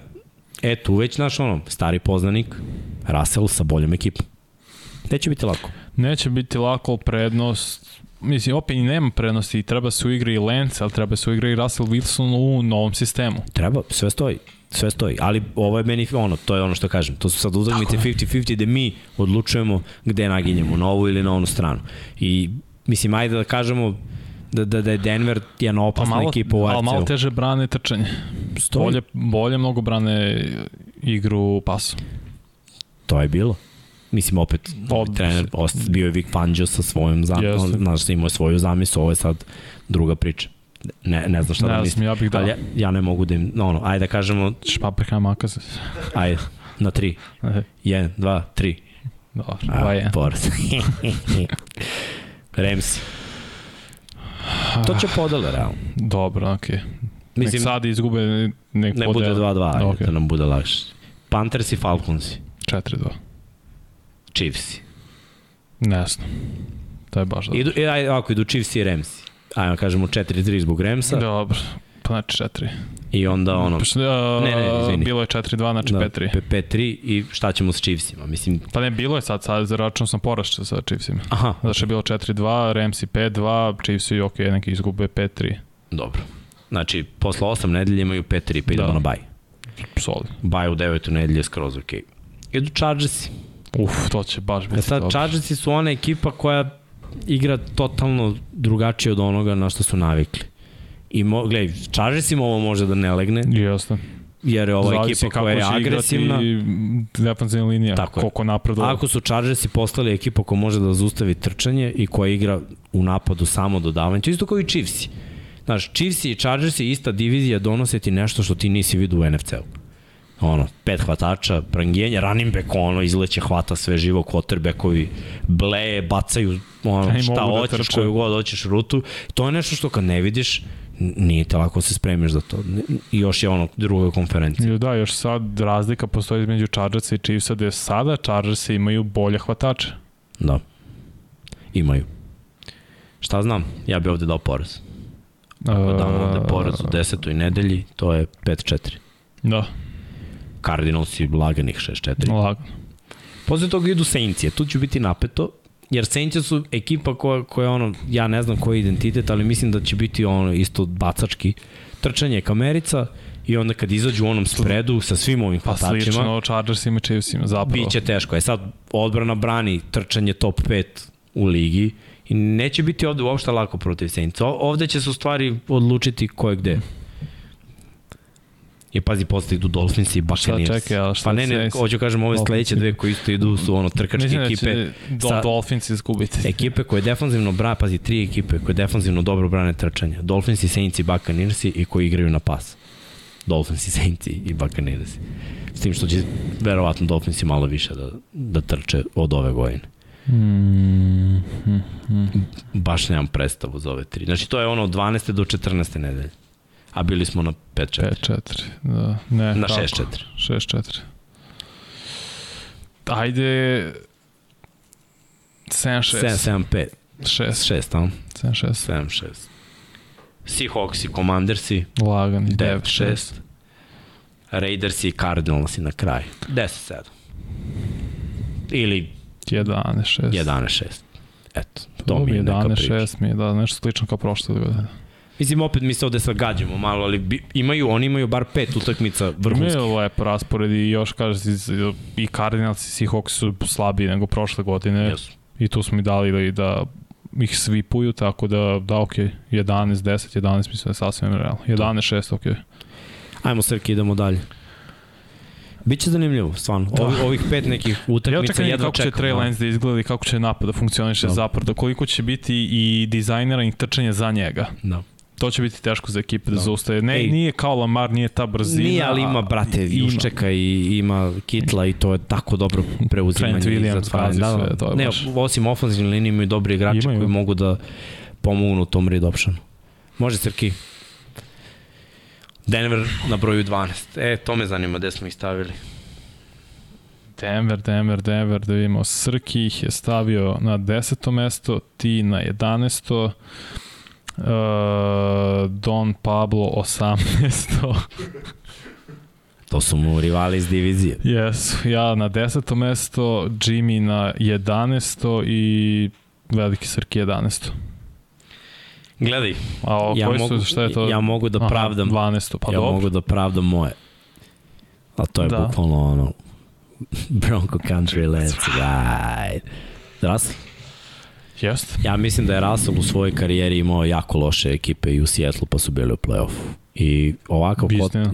takav quarterback zna, zna da napravi hvatače, takav quarterback zna da promeni. Mislim, nije prvi put da vidimo da je jedan quarterback otišao u drugu sredinu i promenio totalno priču. I, ali razlika postoji. Mislim da mu Pogledaš- možda čak i trener kao ofenzivni koordinator i ovaj sistem Russellu gde se on sad malo pita, leži više nego u Seattle jer je imao tri To koordinatora u posljednje Ne, vreme. to apsolutno, ali šta je razlika među kad pogledaš Matt Stafford Ramsey, Tom, Bruce Arians, Baxi? McVay ima svoj sistem po- uspostavljen godinama. Ima, da. Bruce Arians isto manje više imao svoj sistem, naravno Tom je malo se poigrao tu da prilagodi sebi, bilo je prvo prangijenje, pa posle bilo ok, ne možemo samo prangijenje. Ovde u Denveru toga nema, trenutno. Uh, mora da se uspostavi apsolutno novi sistem, trener novi, prva godina za, uh, he, za ovog, kako zove, Natalijan Heket Jeste. šta je još, Cooper Cup, broj 1 hvatač. S druge strane, kako gledam Bakse, imali su Mike Evans, Chris Godwin. U Da. Denveru postoji potencijal da Saton i Judy budu broj 1, Jest. nisu trenutno. Nisu na tom nivou. Nisu. Ofanzivna Istina. linija Ramsa i Baksa je bolja Jeste. kad su ovi dolazili poprilično. Može da bude i dobra ofanzivna linija. Denver jeste dobra, može da bude možda i top 10. Odbrane E, ali znaš šta, Remsi i Baxi nemaju igru trčanja. dva, ono, brutalna trkača. E, to Denver ima. Ima. To je, to je ono, razlika koja, Ima. koja gleda, Russell je najbolje u svojoj karijeri igrao s Marshonom. Koliko god on bio dobar individualno, era posle Maršona nije nikad bila Znaš, bacao je on yardi, a svodilo se sve na njega, bio je najbolji trkač kad se Maršon povuku prve godine. Ali najbolje dane svoje je imao s Maršonom. Sa što je Russell, šta? Vertikalni dodavač. Ko ima najbolju loptu duboko u NFL-u? A znaš kad pali duboka lopta? Na play action. Tako je. Na play action. I za to ti treba da se skupe svi. I ako ne možeš, ako safety odu duboko i pokriju tu vertikalnu opciju, a Denver ih ima, otvori se neko u sredini jer su se linebackeri spustili. Russell ima to. I ovo je najveća promena u igri Denvera koja može da se desi. Trčaće, skupljaće u boks, dodavaće srednje, dugo. A do sad su dodavali kratko i srednje. Dugu igru oni nisu imali, oni su imali duboku loptu.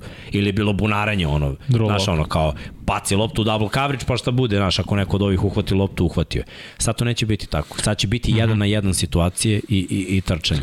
još jedna stavka, mnogo je teža divizija. Mnogo je divizija teža divizija. to je pakao. To je pakao. Pogotovo Stoji. u slučaju Baksa da je NFC ist, jug bio poprilično slabiji. A znaš šta je Znaš. dobro za Denver? Ko je bio najgori u toj diviziji prošle Da, godine? da, da. Evo možemo prođemo kroz raspored. Znaš, gledamo ovako i prva dva kola oni mogu budu 2-0. Seattle Texansi. Lagano 2 Ja razumeš, to, to, je ono, to je ono što njima može da legne. Pa treća nedelja 49ersi, kad krenu 2-0 i, i kad dođe ovo To utakmica, već ja sam dali. im dao kao, No, okej, 3-0. mogu da vidim da, da, da krenu 3-0. E, onda će da krenu mali problemi jer dolazi ono AFC i dolazi divizija, idu Raidersi. Ja Raiderse vidim kao bolji tim od Denvera. S tim što ja mislim da su oni prošle godine podelili. Mislim da je Denver dobio Da, mislim su svi podelili, Da. da. što najgore. Uh, ajde, da- ajde da kažemo da eto, oček, očekujemo za ovu diviziju da, da bude podel. Raidersi pa Kolci, Kolci nisu divizija, ali su konferencija. Pitanje je biti- koliko da. si dobar, Da. da. baš je pronica koji su bili prošle godine protiv trčanja. Ali do tada nastavaju slobodno. Da. Da. Ali mislim da će izgubiti, ok, znači to je 3-2. Sledeći su Chargersi. Nek bude da delimo. Mada bi... Ne, ajde daj poraz, pa ćemo posle da... Dobro, šta- 3-3. 3-3. Jets i Jaguars. 5-3. Je lagano. Onda ide baj. U devetoj Okej. nedelji. To je ono, okej. E, ovo je ono što sam pričao sad za Tennessee Titans, ovo je utakmica koja će odlučiti AFC. Broncos i Titans. Ja ne znam šta smo dali mi Tennessee. Pa, gledaj, ajde računamo za svaku ekipu najbolji mogući scenarij. Najbolji mogući scenarij za Denver je da dobiju ovo, za Tennessee najbolji mogući scenarij Ok, 6. da, da, da dobiju. Pa onda idu opet Raidersi, ako smo malo predali poraz, onda ono, mislim, Raidersi sad da bi postali ekipa koja će dočisti diviziju, nije nemoguće, stvarno nije Ali ne, nemoguće. ne Sa- vidim samo mi- odbranu. Mislim da su Raidersi na papiru naj, najmanje talentovan tim u to AFC zapadu. Defanzivno. Celokupno. Gledam. Defensivno pogotovo. U napadu su svi manje više tu. Mislim da je tu možda su sada Denver, Broncos ili Chiefs i najgori, ako gledamo skill igrače možda, ali to kad kažem najgori, to znači su i dalje bolji od ostalih ekipa u konferenciji. Da, So, skoro svih, opet da se obrade. da. Tako da, meni je Denver bolji od Raidersa. Dobro, ćeš da i namu. Pa ne, podelit ćemo, rekli smo da ćemo deliti. Šta smo dali u prvo? Ne znam. Pa, poraz, brat, sad ide pobed. 11. nedelja, evo evo, Okej, idemo opet iz početka. Pazi. 2-0, Seahawks i Texansi. 3-0, 49ersi. 3-1, Raidersi. 3-2, Coltsi. 3-3, Chargersi. Dobro. 4-3, Jetsi. 5-3, 5-3, dobro. Jaguarsi. 6-3, Titansi. Ne, je tako bilo. Da, da. 6-3 Titansi, pa sad ide 7-3 Raidersi, pa idu Carolina Panthersi, to mi je ono 8, onda idu Ravensi. Ovo će bude napeto. Prošle godine, Hoće. gledaj, prošle godine su Ravensi ono dobili lagano. I to na, na drugu igru, na, na igru do dana. 111 yardi su do, dozvoljavali Trčanje, trčanje, prosečno. tako je. I, ovo, To je i pazi, dolazi im ekipa koja trči. Biće napeto, je sad, igra se u Baltimoru, najbolji scenariju, mi ako možemo gledamo ovde za Denver, jeste da dobiju ovde. Ali mislim da neće dobiti. Ja, ja mislim da će ovo biti baš teško. 8-4. Chiefs. I, ajde da im damo 8-5, Ok. pa da, ono, Denver ima problem da dobije Chiefs. To je, to je ono. Možda dele sa svim osim sa Chiefsima. To je Dobro, bilo pre. Nek bude. Može da se promeni ove godine, nisu imali Russell. To je sad razlika. Od kad je Peyton Manning otišao u penziju, Denver nije dobio Chiefs. Nek bude, os, nek podelit ćemo sve. Nek bude sad poraz, posle pobjeda 8-5. Cardinals, 9-5. Ramsi. 9-6. Neće dobiti Rams. neće dobiti. Mislim da neće dobiti Rams. 9-6, ok. I onda imaju Chiefs i Chargers. Što znači bi trebalo da završi sa dve pobjede. Sa 11-6 najbolje. To je Da, da. ono najbolji scenarij. Da, da. Uzmi, dodaj ovamo, namo, ali ajde da kažemo od 9 do 11 da, da je apsolutno realno. vrlo moguće skor za playoff. Da, kuda Ono, je da. wild card, pa ono, bit će posle zavisnosti koga od O, ovog biće dobijaju. taj break, ova, Bitnije im je da dobijaju AFC ovde Tako je, nego tako NFC. Je, tako je. Znači sve ove utakmice oni će protiv Ravensa, koji su kon konferencija protiv Tennessee-a, koji su konkurencija protiv uh, Dobro, su, Coltsa. od- imaju pet poraza u konferenciji. Coltsi, Ravensi i tri u diviziji. No, to, to mora se promeni ako će u playoff. Pa, I Tennessee ono, mislim dobro mi kako smo i sad davali, Da, ali da. realno gledano. Na šta, može da im legne to što igraju protiv Juga i što mogu da dobiju lagano. Texanse i, i Ali Jaguars. problem što je i ostatak AFC zapad igra protiv istoka. Da. Šta znam? Mi, mislim da, da, da je ovo ve- dobra promena. Promena na bolje za, za Denver. I ja očekujem dobru sezonu. Jedva čekam iskreno da vidim. Let's ride. Tako da možemo dalje. ja. Istina. Treba će mi malo vode. Opa, Saintsi. Da. Saints, Saints kada sveci krenu marš. Čuvena pesma Bruce Springsteena, čini mi se. The Saints go marching in. Ali ja sam da je pevam zbog YouTube. No, Saintsi. Uh, mi ih imamo poprilično visoko. Ne znam zašto, kad gledam drugi analitičari šta su radili, nemoj mi se udaješ, molim te. Krenuo sam. Uh, dosta tih analitičara, stručnjaka i stavilo nisko ne znam iz kog razloga, jer po meni roster Saintsa je baš dobar.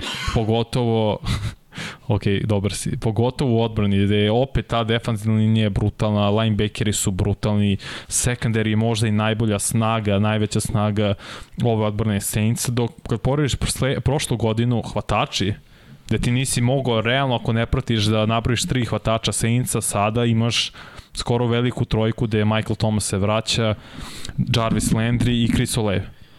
To je brutalno. Kako god okrenemo, plus naravno Alvin Kamara, ofenzivna linija malo slabija, draftovali su uh, zamenu za Teron Armsteada, mislim da su on u trećem treningu da je izbačen bio zbog grubosti, ne mogu sad sad kako se zove, da li Rajman, čini mi se su njega draftovali. Uh, pogledat ću, ali opet, sve zavisi na Winstonu i na tome kako se oporavio dok je bio zdrav, bili su 5-2. Jeste. I igrao je lepo. Nije igrao na nekom ultra visokom top Ma i ne 10 mora- quarterback ej, nivou, ali Drew to što kažeš, igrao. nema potrebe. Drew nije igrao na top 10 nivou. Poslednje tri godine. Nema Bukvalno. potrebe. I bili su ono, konkurent. Mislim, stvarno je malo potrebno. Saints su tako skockana ekipa, s tim što stvarno imaju, ako gledamo talent hvatačkog korpusa svih ovih ekipa koje smo stavili, od Tennessee-a, mm. -hmm. ono, Tennessee, Patriots, Fila, sve, da. sve ove ekipe, ako gledaš samo talent hvatačkog korpusa, Saints su bolji od svih. Uz to su Saints posljednjih 5 godina top 3 u odbrani Pa, protiv znaš kako, tu su. Mo, tu su i, mislim, Raiders i tu je San Francisco. Mislim, računim i tight enda. Tu je. Mislim, jesu, mislim, to, mislim da imaju top 10 sigurno, možda je to šest, sedmi hvatački korpus najbolji Saints, što je opet upgrade u pro, sa prošle da. godine gde je bio realno top 5 najgorih. Ali znaš šta, kad pogledam, ne znam, meni su bolji.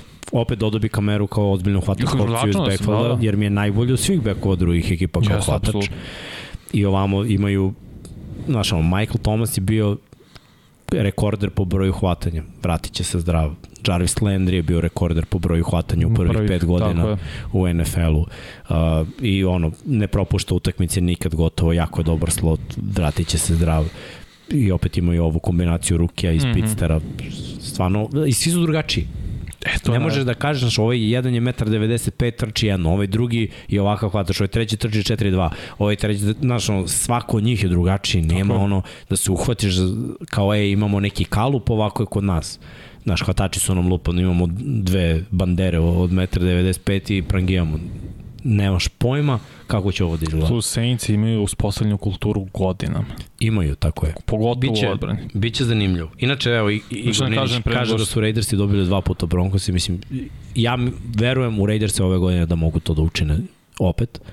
I mislim, ajde, dali smo iz nekog respekta prema čitavoj diviziji za koju smatramo da je najve, najbolja. Da. Sve utakmice svih ovih ekipa unutar ove divizije 3-3. Tako je. Čitava divizija da bude 3-3, što ono, ne znači da će to da se desi, nego eto mi Mislim, ja iz nekog respekta dajemo 3-3. u poslednjih, hajde da kažem, 10 godina ovako krca talenat u jednoj diviziji.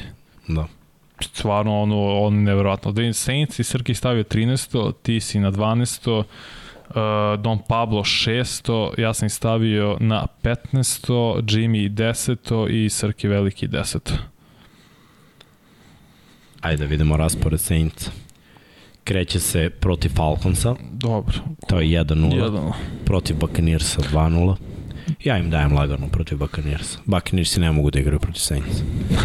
poslednje, četiri, poslednje četiri utakmice, mislim, u, ono, kad sam video... regularne sezoni. Kad sam video Krompirić, sve mi je bilo jasno. Ova odbrana je napravljena da Buccaneersi ne mogu ništa da urade protiv. Plus Brady sad nije na trening kampu. Da, to, to smo rekli. To može da bude. Mislim da neće toliko iskreno, ali... Znaš na šta može da utiče? Može da utiče na hemiju sa ovim drugim igračima. Sa novim hvatačima. Tako je, jer Julio, znaš, sad ne vežba s njim, jeste, i, i to je problem. Uh mhm. -huh. Neće Pitanje igrati da sigurno. da igra drugu nedelju? Ne verujem, nema šanse. Mislim da, da nije pametno da igra. Protiv koga se povredio, znaš? Protiv Saints. Nije pametno da ga vratiš. Ono, prvu utakmicu ili drugu, razumeš da igra protiv njih.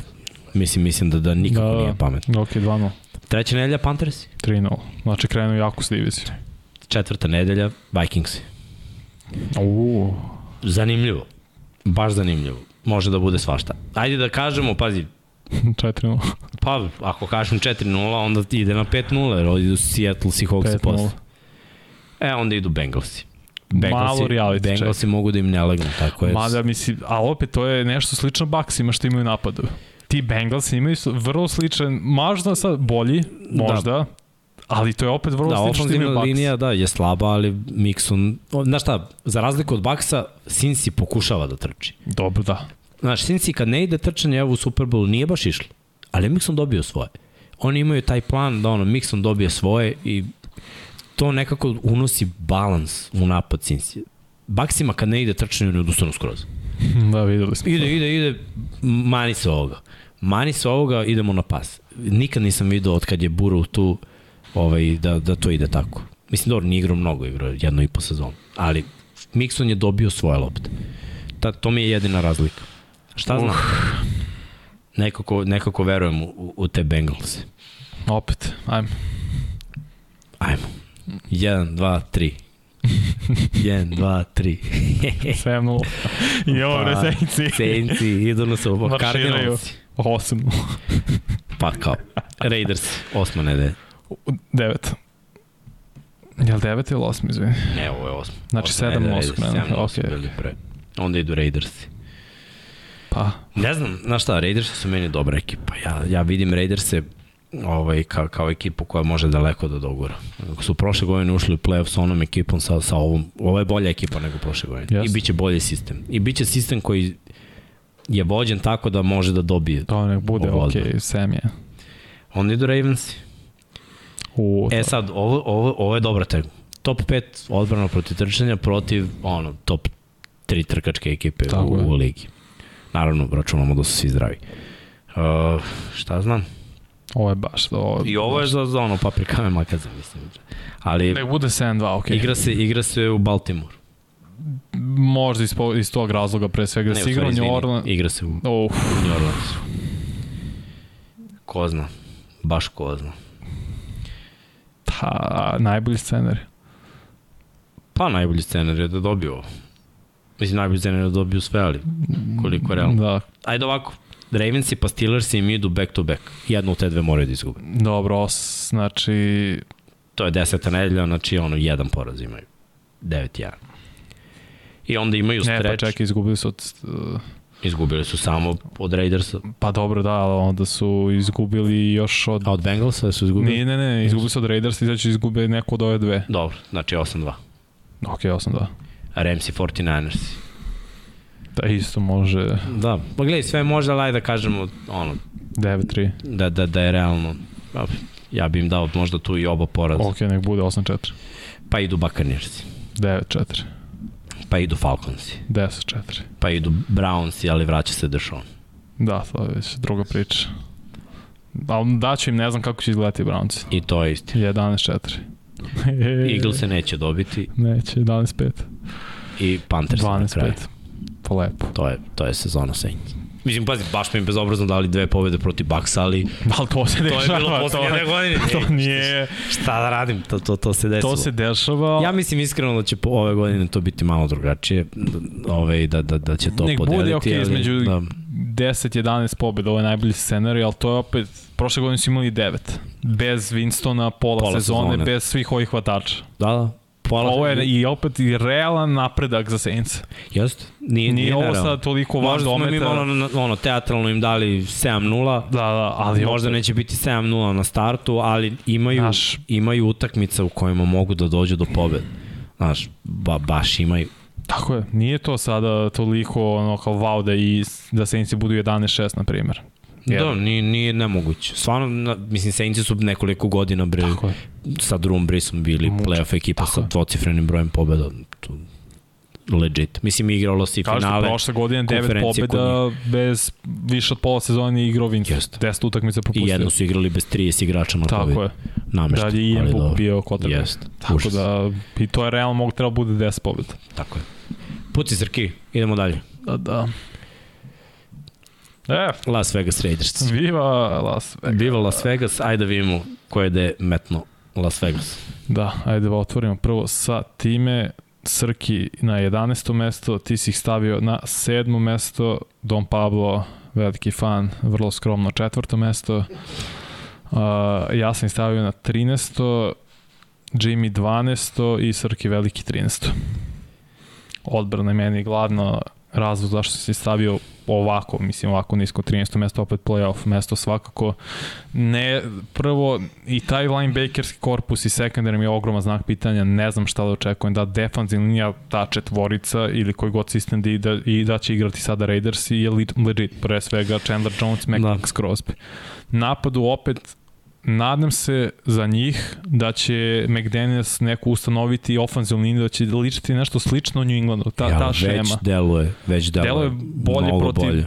Jaguarsa i ne znam koga su, protiv Da. koga su igrali prvu nedelju predsezone. Ali, znaš, to je taj sistem koji on ne traži mnogo od tebe. I sistem, gledaj, kad ofenzivnu liniju teraš da ide samo na pas pro, kao da si im pucao nogu. I tu oni gube moć. Znaš zašto? Zato što defanzivna linija ta zna da ide napred i da ovi idu nazad. I ti moraš ono stalno da se ukopuješ. Kada ti trčiš, ti diktiraš tempo. I to je velika promena dolaskom McDaniels. Mm. -hmm. Znači oni će sada da idu napred, da idu napred i onda će imati te play actione da idu napred pa stanu, pa Kari izađe, ima hvata. Pazi, prvo, oni su radili inside out u New Englandu. Sad inside imaš Renfroa i imaš Darren Wallera koji ono, bukvalno, znaš, može da bude, bude- produktivan kao Gronk. Da, samo da ostane zdrav. Ali velika razlika što outside imaš najproduktivnije hvatača posljednjih 5 godina u NFL-u, koji može da dobije jedan na jedan meč. Tako je. Plus ćeš naći neku opciju koja će ti biti vertikalna. Mnogo je opasniji napad. Nije bitno ko je back. McDaniels će vrt, vrteti pet Hoće, bekova, ono hot videli. hand i to će raditi 100% i bitno, šta je njemu bitno? Da se neko zaleti i upuca u gap onako kako on hoće. I ovi imaju par bekova koji će to raditi. Ofanzivno, oni su meni najveći potencijalni skok. Sad, ja opet govorim, ovo nije zasnovano na gledanju utakmica. Zato je ono power rankings papir. Meni je na papiru sad kad pogledam Voler, top 10 tight end, Demonte, Top, top 2. 3 hvatač ili mislim on meni je top 1, ali ajde da kažemo, Top znaš, 2 ću reći u najgorem slučaju je top 2. samim tim Derek Carr postaje Top bolji 10 quarterback. Minimal. Da. Jer to je, to je sigurno, po mom mišljenju, ono, od, hiljadu, od 2500 pa, pa do 3000 yardi na njih dvojicu. Da imaš i Renfroa, gde može, ja mislim, da, ja mislim da da- Devonte ima 1000 i po yardi. Ono. Ne, ne, okej, ali sad znači da će imati i Waller. Voler može da ima, pazi ima tekmu više. Ako je Mark Andrews imao, mislim, gledaj, 1400 ali Devonte Ali- imao 1600. Jeste, ali ovde je Mark Andrews broj 1, broj 1. Ali, Alan Waller, ja da. ne znam kad je igrao punu sezonu. Proverit ću, možda greš, možda igrao pre dve punu igra, sezonu. da, pre, mislim, prošle godine nije igrao. Nije. Pre dve je bio vrh. Opet Renfro će imati svoje targete, znaš, dajemo oko 800 do 1000 yardi. O, znaš, sa tom tekmom više, sa tim novim sistemom, sa play actionom, Mm -hmm. može da imaš tri, ajde neka, neka bude njih trojica 3000 yardi. Opet je i to bolje. Ide su tu skrinovi za running backove i razumeš neka ono peta, šesta opcija. Nakrcka će se tu jardaža za Derika Kara, ali taj napad će biti bolji. Ok, delim, delim mišljenje za ove za sumnjičavost u odbrani, ali realno gledano, Chiefs imaju najgoru odbranu i stalno su prvi u AFC-u. Znaš, nekako mi je delo da i Chargersi su sad tek ove godine promenili priču da se razlikuju u Chiefs. Cela ostala divizija, naročito Raidersi teže ka tome da, da budu Chiefs. I to mi po... Biće drugačije jer će trčati, imati play action, ali brate, bit će u fazonu. Mi moramo damo više poena, nego što ćemo da, da primemo i to je to. Nije bi, ajde, limitirat ćemo nekako na 30, ali moramo da damo više od 30. I Nećeš moći to. to u svakoj. Nećeš. Ali ja mislim da je ovaj napad kadar da da 30. Malte ne u svakoj. Možemo da prođemo kroz, Može. kroz raspored pa, pa ćemo da vidimo. Svakako, evo kad krene regularna sezona, pa drugo kolo su igrali protiv Vikings. Prvo ne, prvo. Prvo Jaguarsi pa Vikings u presezoni. A dobro, Hall of Fame game, ne računam Da, da, da. prvo, okej, okej, Da, da, da. dobro, dobro, okej, okej. Pa idu Dolphins i Patriots. Dobro. Prvo kolo ime protiv Chargers. Mislim, kako Mislim, god okreneš, ono, podelit ćemo to. Dobro. Drugo, Cardinals. Jedan, jedan. Treće, Titans. Ja im nisam dao te Titans. Ja nisam Titansima dao ovo. Dobro, Tako dva, da ono, u mojoj glavi nek bude 2-1. Pa idu Broncosi, Dele. Nek bude 2-2, pa će posle još dve da se doda. pa idu Chiefs, 2-3. Pa ide Bay mnogo rano. Mnogo rano. Prijavite, Onda, da, da. Onda idu Texansi, to je pobjeda. 3-3. Pa idu Saintsi, to je napeto. To je baš napet. Ali 3-4. dali smo ono, da, Saintsima smo dali ovamo, a opet možemo da kažemo i za Raidersa da postoji Ok, šansa da 4-3. dobiju. Nek bude, neka dajemo. Veliko odušće. Da, Jaguarsi, 5-3. Kolci, 5-4. e, ovo će biti, to, to ne, su te, mislim to, da će to su te Taylor imati utakmice, da. 200 yardi i trčanje, mislim da će ih oduvati trčanje, bukvalno. Broncosi, opet, Uh, sad je po, 6-4, sad je pobjeda. Seahawksi, 7-4, Chargersi, 8-4, Ramsi, 8-5, Patriotsi, 9-5, Steelersi, 9-6. 49ersi. Uf, Pazi, ovo je 1. januar. 9-6, da. Utakmica pada na, na, na 1. januar i ono, Ko je domaćin? domaćin Las Vegas. Hm. Pa, ja mislim će Fortnite i prekaza trčanje. Pazi koja je legendarna, Stvarno. koja je legendarna tekma za ono prvi dan posle nove godine, još nisam uopšte Ja razmišljao o bi tome. dao to 49ersima, mislim 9-7. Pa ne znam, znaš šta, moramo mi da, da ono, bit će ovde napet. Mislim da... Hm? Četvrtak imaju protiv Rams, to smo im dali da, poraz. to su dali poraz. Znaš kako, mm, mislim stvarno fizikalna igra San Francisco neće im ležati toliko. Moguće, ali opet, ko zna. Sve u svemu, posljednje kole Chiefs. To je pobeda. to znači delimo. 10 ili 11. 10, 7, 11, 6 neki. To, to je ono, To bolje, je AFC zapad. to je bolje nego prošle godine. Ili isto. Pa prošle godine su 10, 7 imali, čini mi se. I jedan. Ili ne? Ne, ne, Oni ja nisu ne, imali. ne, ne, da, Da. Steelers su igrali naravno sa uh, Detroitom. Da. Ali to je to, ali to je samo zato što je AFC rek i oni su bili drugi u diviziji, zato Da. idu na San Francisco. I dobro, imaju NFC. No, ja, ja komotno mogu Zapada da vidim da iz ove divizije tri ekipe idu ja, dalje. meni, to mi je bold prediction da će četiri ići. Sumnja. Sumnja To zato što i sever, i sever istok imaju... Znaš, ako budu delili, nema šanse. To je problem.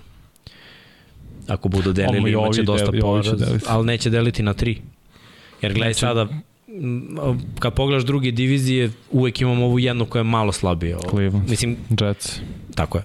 Znači, imaće bar lakše ovaj jedan Jasno, zadatak jasno, sever jasno, istok i opet Patriotsi, Brownsi ovaj, i ovamo Misliš da kažeš da Browns? Patriotsi i Steelersi Aha, aha, aha. Okay, su okay. nam ono ekipe koje mogu da iznenade, ali nisu taj nivo, tu ono, Do, okay.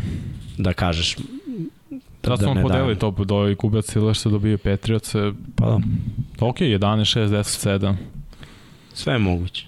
Sve je moguće, ali ja, ba, ja baš verujem u, Raiders, baš mislim da, da je ovo njihova sezona, posle ono dugo, dugo, dugo godina. Sve što nije playoff, mene bi razočaralo. Ja mislim, Mislim, da, mislim da, da bi sve razočarao u organizaciji Da. da. čitave. ja mislim da, da, po mom mišljenju, oni su drugi drugi u ovoj diviziji, moraju da budu drugi, moraju da budu tipa ispred Chiefsa ili da bude ono isti skor kao Chiefsi pa da bude taj breaker.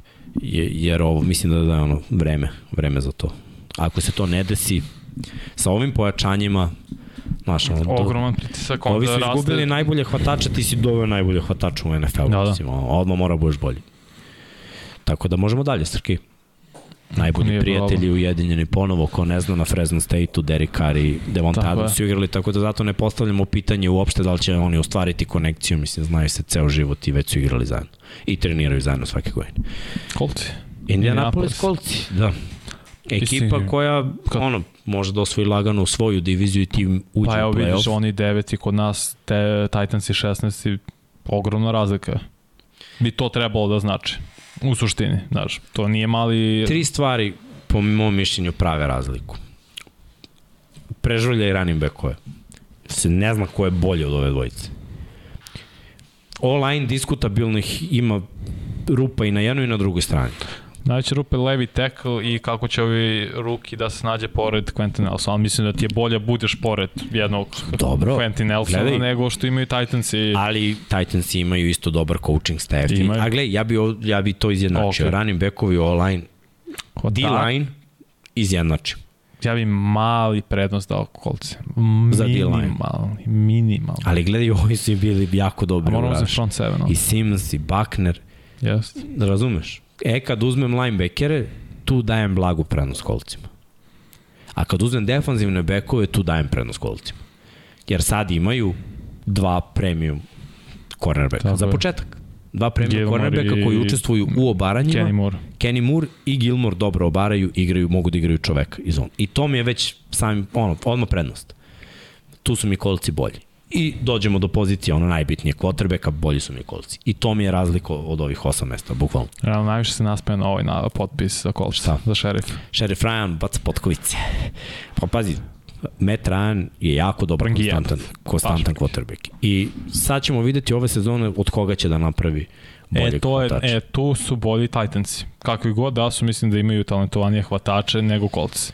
Meni, ja sam, Jeste, ali gledaj. Pittman ne, nije mi još se formisao za dve godine kao hvatač broj 1. Razumem te, ej, razumem te u potpunosti. A i taj tendovi da ne pričam. ali quarterback pravi hvatače.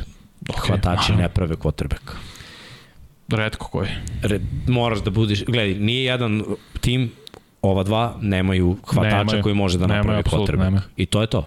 Imali su AJ Browna, Titansi više ga nemaju. I to je to. Nemaju više tog je. hvatača koji na neku loptu iza leđa 2 metra može se baci i napravi čudo. Nema. Ali kad poredim koji kotrbe kod ove dvojice može da napravi hvatača konstantnim, boljim, da mu da do, bolju loptu na pravoj poziciji. Mm -hmm. Matt Ryan će to da uradi. Slažem se. Ryan Tannehill neće. Ili će Matt Ryan uraditi više nego Ryan Tannehill. To je, to je ta razlika Matt Ryan je bio MVP lige.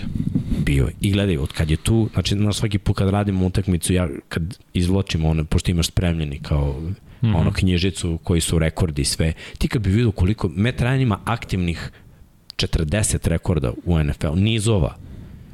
A to su nizovi ono, od lupom, 30 uh, dodavanja po utakmici, kompletiranih uh, 20 dodava. Ja razumeš, ima neke gluposti koji samo Amerikanci i su dali, brate, 4000 yardi, 300 Konstantno, utakmice, da, da. od 300 plus yardi utakmice gde, razumeš, osvoji toliki broj prvih downova, on je, brate, konstantan mnogo. I sve se zasniva na njemu i dolazi kod trenera koji je ono, kube coach, Tako je, Frank kog Reich. nije imao, razumeš, dugo i onda igrao sa Autorom Smithom prošle godine i sad dolazi kod Rajha, pre toga je bio sa Shanahan. Ta rupa između, kad je bilo loše, on je opet imao 4000 yardi. Evo, imao i oružje oko sebe i dobro ofenzivno liniju. Ma Julio ali je povređen mnogo dugo, ba, baš dugo je bio rovit i nije igrao 100% i on je opet imao ono dodavanja dobro. Ja, pazi, ne volim stil igre Meta Ryana. To je za mene ono dinosaurus quarterback futbol. Ne volim to. A ne mogu da mu ne dam respekt. To, znaš, ponekad kad ti deluje ono kao neće, on napravi, uđe u džep i, i baci loptu i lopti ide da treba. I meni je to ono kao wow. Plus Matt Ryan je play action quarterback. Sad ima running back. Mislim, isto to je i Tenehill.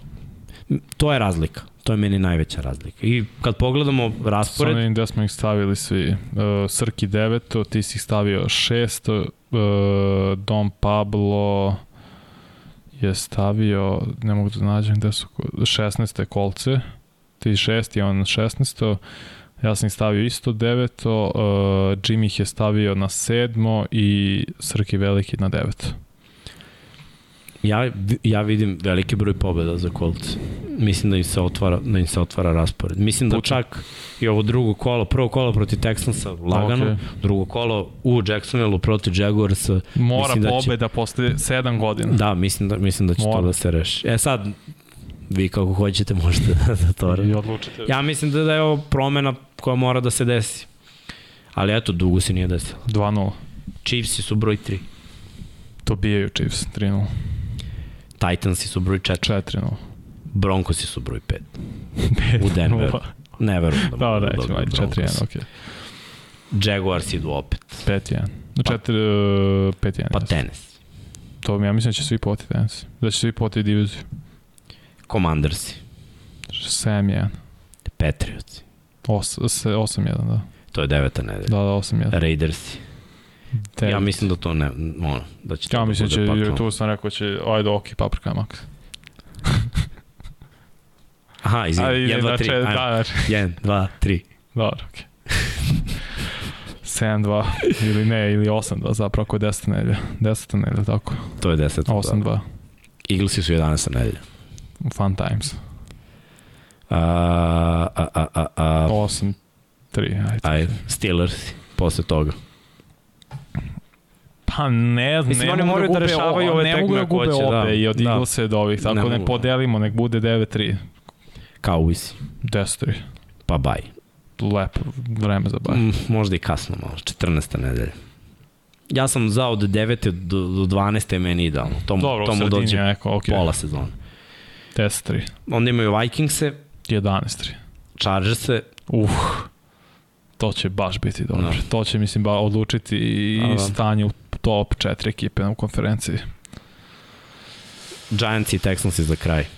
To je 12... Koliko? Znači 11-3, to je 13-3 sigurno. Da li će biti 13-4 ili 14-3, to je sad već ono. Zato sam ih stavio na broj 6. Da, to je baš... S tim što imaju ove AFC utakmice moraju da dobijaju. Ali mislim, ja verujem u kolce Mislim, ove ok, godine. da kažem, među 12 do 14 pobjede je neki Opsek realno. Da, za, za Colts. Da, to, to, to je ozbiljno. Šta misliš? Mislim, Ozbiljna raspored- playoff ekipa. Zavisi... Nisu ušli u playoff prošle godine. Tako je. Ove godine ih čeka malo lakše raspored, imaju opet tu svoju diviziju, gde moraju da ostvare pobede. Znaš, ti moraš da uzmeš četiri protiv Texansa i, Možeš i da imamo Jaguars. pet mečeva da, Da, pobediš. ovo ti je ono, znaš, maltretiranje rivala u diviziji koje najbolje ekipe čine. I ja to očekujem. Znaš, kao što su Chiefs i godinama gazili, Tako je. sad ovo pozili Patriots i ono stalno gaze. Jets. Mislim, bilo je sezona kad ne gaze Miami, ali Da, gazili gaze. su i Bills. Pa, i da. Bills, Da. Tako je. To je, znaš, prilika da budeš dominant. Da Uh, srđane, ukloni na kanalu u komentarima ovo, pošto sam vidio na Mixinom telefonu. A okej, okay. je li blokirano to ne mogu da vidim? Pa, koliko vidim. Probi da tu i dalje blokiraš. Ako možeš, uđi na moj Chrome, pa na kanal i blokiraj. Hvala. Viš to je in- Kakav intervencija. je, kakav je operator, a? Šerif Ryan baca potkovice. Tako je. I sve u svemu, stavi, stavi dvopolno lagano, da sve u svemu kolci su ozbiljna playoff ekipa. To što su ovde deveti, mislim, Pa vrlo Pablo ih je ocrnio. Jest, Pablo ih je stavio na 16. jest. Tako su realno negde sedam, ajde da kažem po nekoj logici da i Don Pablo malo spusti, a to je podigne zapravo na power ranking. Kolci stvarno i zbog divizije koja je laka, najlakša u AFC-u i zbog tima koja je stvarno brutalna, pre svega u odbrani. Najviše će Jeste. zavisiti koliki napredak u play-offu će učiniti i koliko će se razviti hvatači njihovi. I na koga to. će moći da računa Matt Ryan tokom čitave sezone, pogotovo u play-offu, jer neće moći sve kroz Taylora da ide. Neće, da, ali, znaš, vidjet ćemo još u ovo malo vremena što je ostalo da li će potpišu još neko. To mi je ono, isto Da li vidiš moguće. Ti why? da se vrati? To je nešto što za Dokazano, kolcima aha. odgovara. Neće biti mnogo para. Njihovi igrač, igrač franšize i Tako ima mi smisla. dokazana roba, nazovi tako, po znacima navodnika. Ću- Srki daj drugi kadar, mora kašlje. Ajde. Bravo. Ne znam šta je na tom i juče, tokom podcasta Luke i Kuzme, Uh, Luka nije mogao prestane da, da štuca. Bukvalno je štucao 45 minuta. E, ja, ja kašljem od klime. Isključi klimu. Ne, on nije mogao da prestane da štuca. Popio je uh, sedam ovih uh, šolja vode i dalje. I sve vreme štucao. To je bilo presmešno. Meni kući kad duva, duva klima, tačno taj, taj neki ono vazduh koji izlazi zna da, da, da i, i bukvalno se sasuši. A pazi, pola flaše sam popio vode trenutno od kada radimo podcast. Znači 0,75 džabe. Bravo, evo Srki sklonio ovo. Bravo. Srki, bravo Srđane, bravo. Nešto ljudi, ajde pucajte s tim pitanjima pa da se razilazimo. Ovo je, možemo sliku Čega? od 8. do 16. mesta svih Aha, ekipa. po de, da vidimo još mesta. jednom na grafici kako lepo izgleda kada ovako ima logo, to mi se baš sviđa. Jeste. Tennessee 16. Eaglesi 15. Patriote na 14. San Fran na 13. Denver na 12. Saints 11. Viva Las Vegas, Raiders 10. i Colts 9. u našem power rankingu za sad. Mislim, možemo da otkrijemo koji su 8, ali ne, možda nećemo ono... Mislim, za sve ne moramo ni da otkrivamo, znate koji su Pa onda da. 8 o- ostali. Ako ne znate, vratite prethodne dve Vratite emisije, prethodne pa, dve, pa pogledajte. poredite, lajkujte, subscribeujte, pa onda screenshotujte liste, tako da, da vidite ko je ostao. Da, mislim ja ovde gledam stvarno ima dosta komentara i evo Strava. 212 ljudi je u, u, u četu, što, Čekaj, što je super evo, za, za lajkuje. petak večer. Nice. Tako da, ako ste svi tu i toliko vas ima, slobodno pitajte, mi ćemo da odgovaramo. Naravno, YouTube subscribe sam. A? Ajde. Mislim, vidim dosta, znaš ono, scrollujem i dosta ima. Naravno, zezuju za Saints da ispadaju u wild card rundi, što je sasvim moguće. A, svak playoff je uspeh za Saints. To je sledeći korak. Mislim. Da. Prošle godine propustili Istina. zbog povrede. Da, pazi, ove, ove ekipe od ovih osam nisu svi za, ne, ne, nisu svi za Super Bowl, neki su ono, playoff daleko od Super Bola. Ima par timova koji odavde mogu da, da Pa imaju, Super Bowl. kao kolci, na primjer, ali ima timov koje kao Patriote mi ne vidimo u Tako je, playoffu. tako je. Pardon, tako da vidjet ćemo, bit će zabavna sezona svakako i mislim da ćemo nakon druge nedelje dobiti, druge predsezonske nedelje pre, predsezonskih utakmica dobiti dosta odgovora i ko će startovati na poziciji kotrbeka za određene ekipe, Jeste. kako će određen bitke na drugim pozicijama da se odigraju, koliko, Jeste. koliko Ima dosta, igranju. ima dosta nerazjašenih Tako je. situacija ko, koje još uvek čekamo. Vidio sam ovo scrimmage, to je joint practice između zajednički trening između Cowboysa i Chargersa.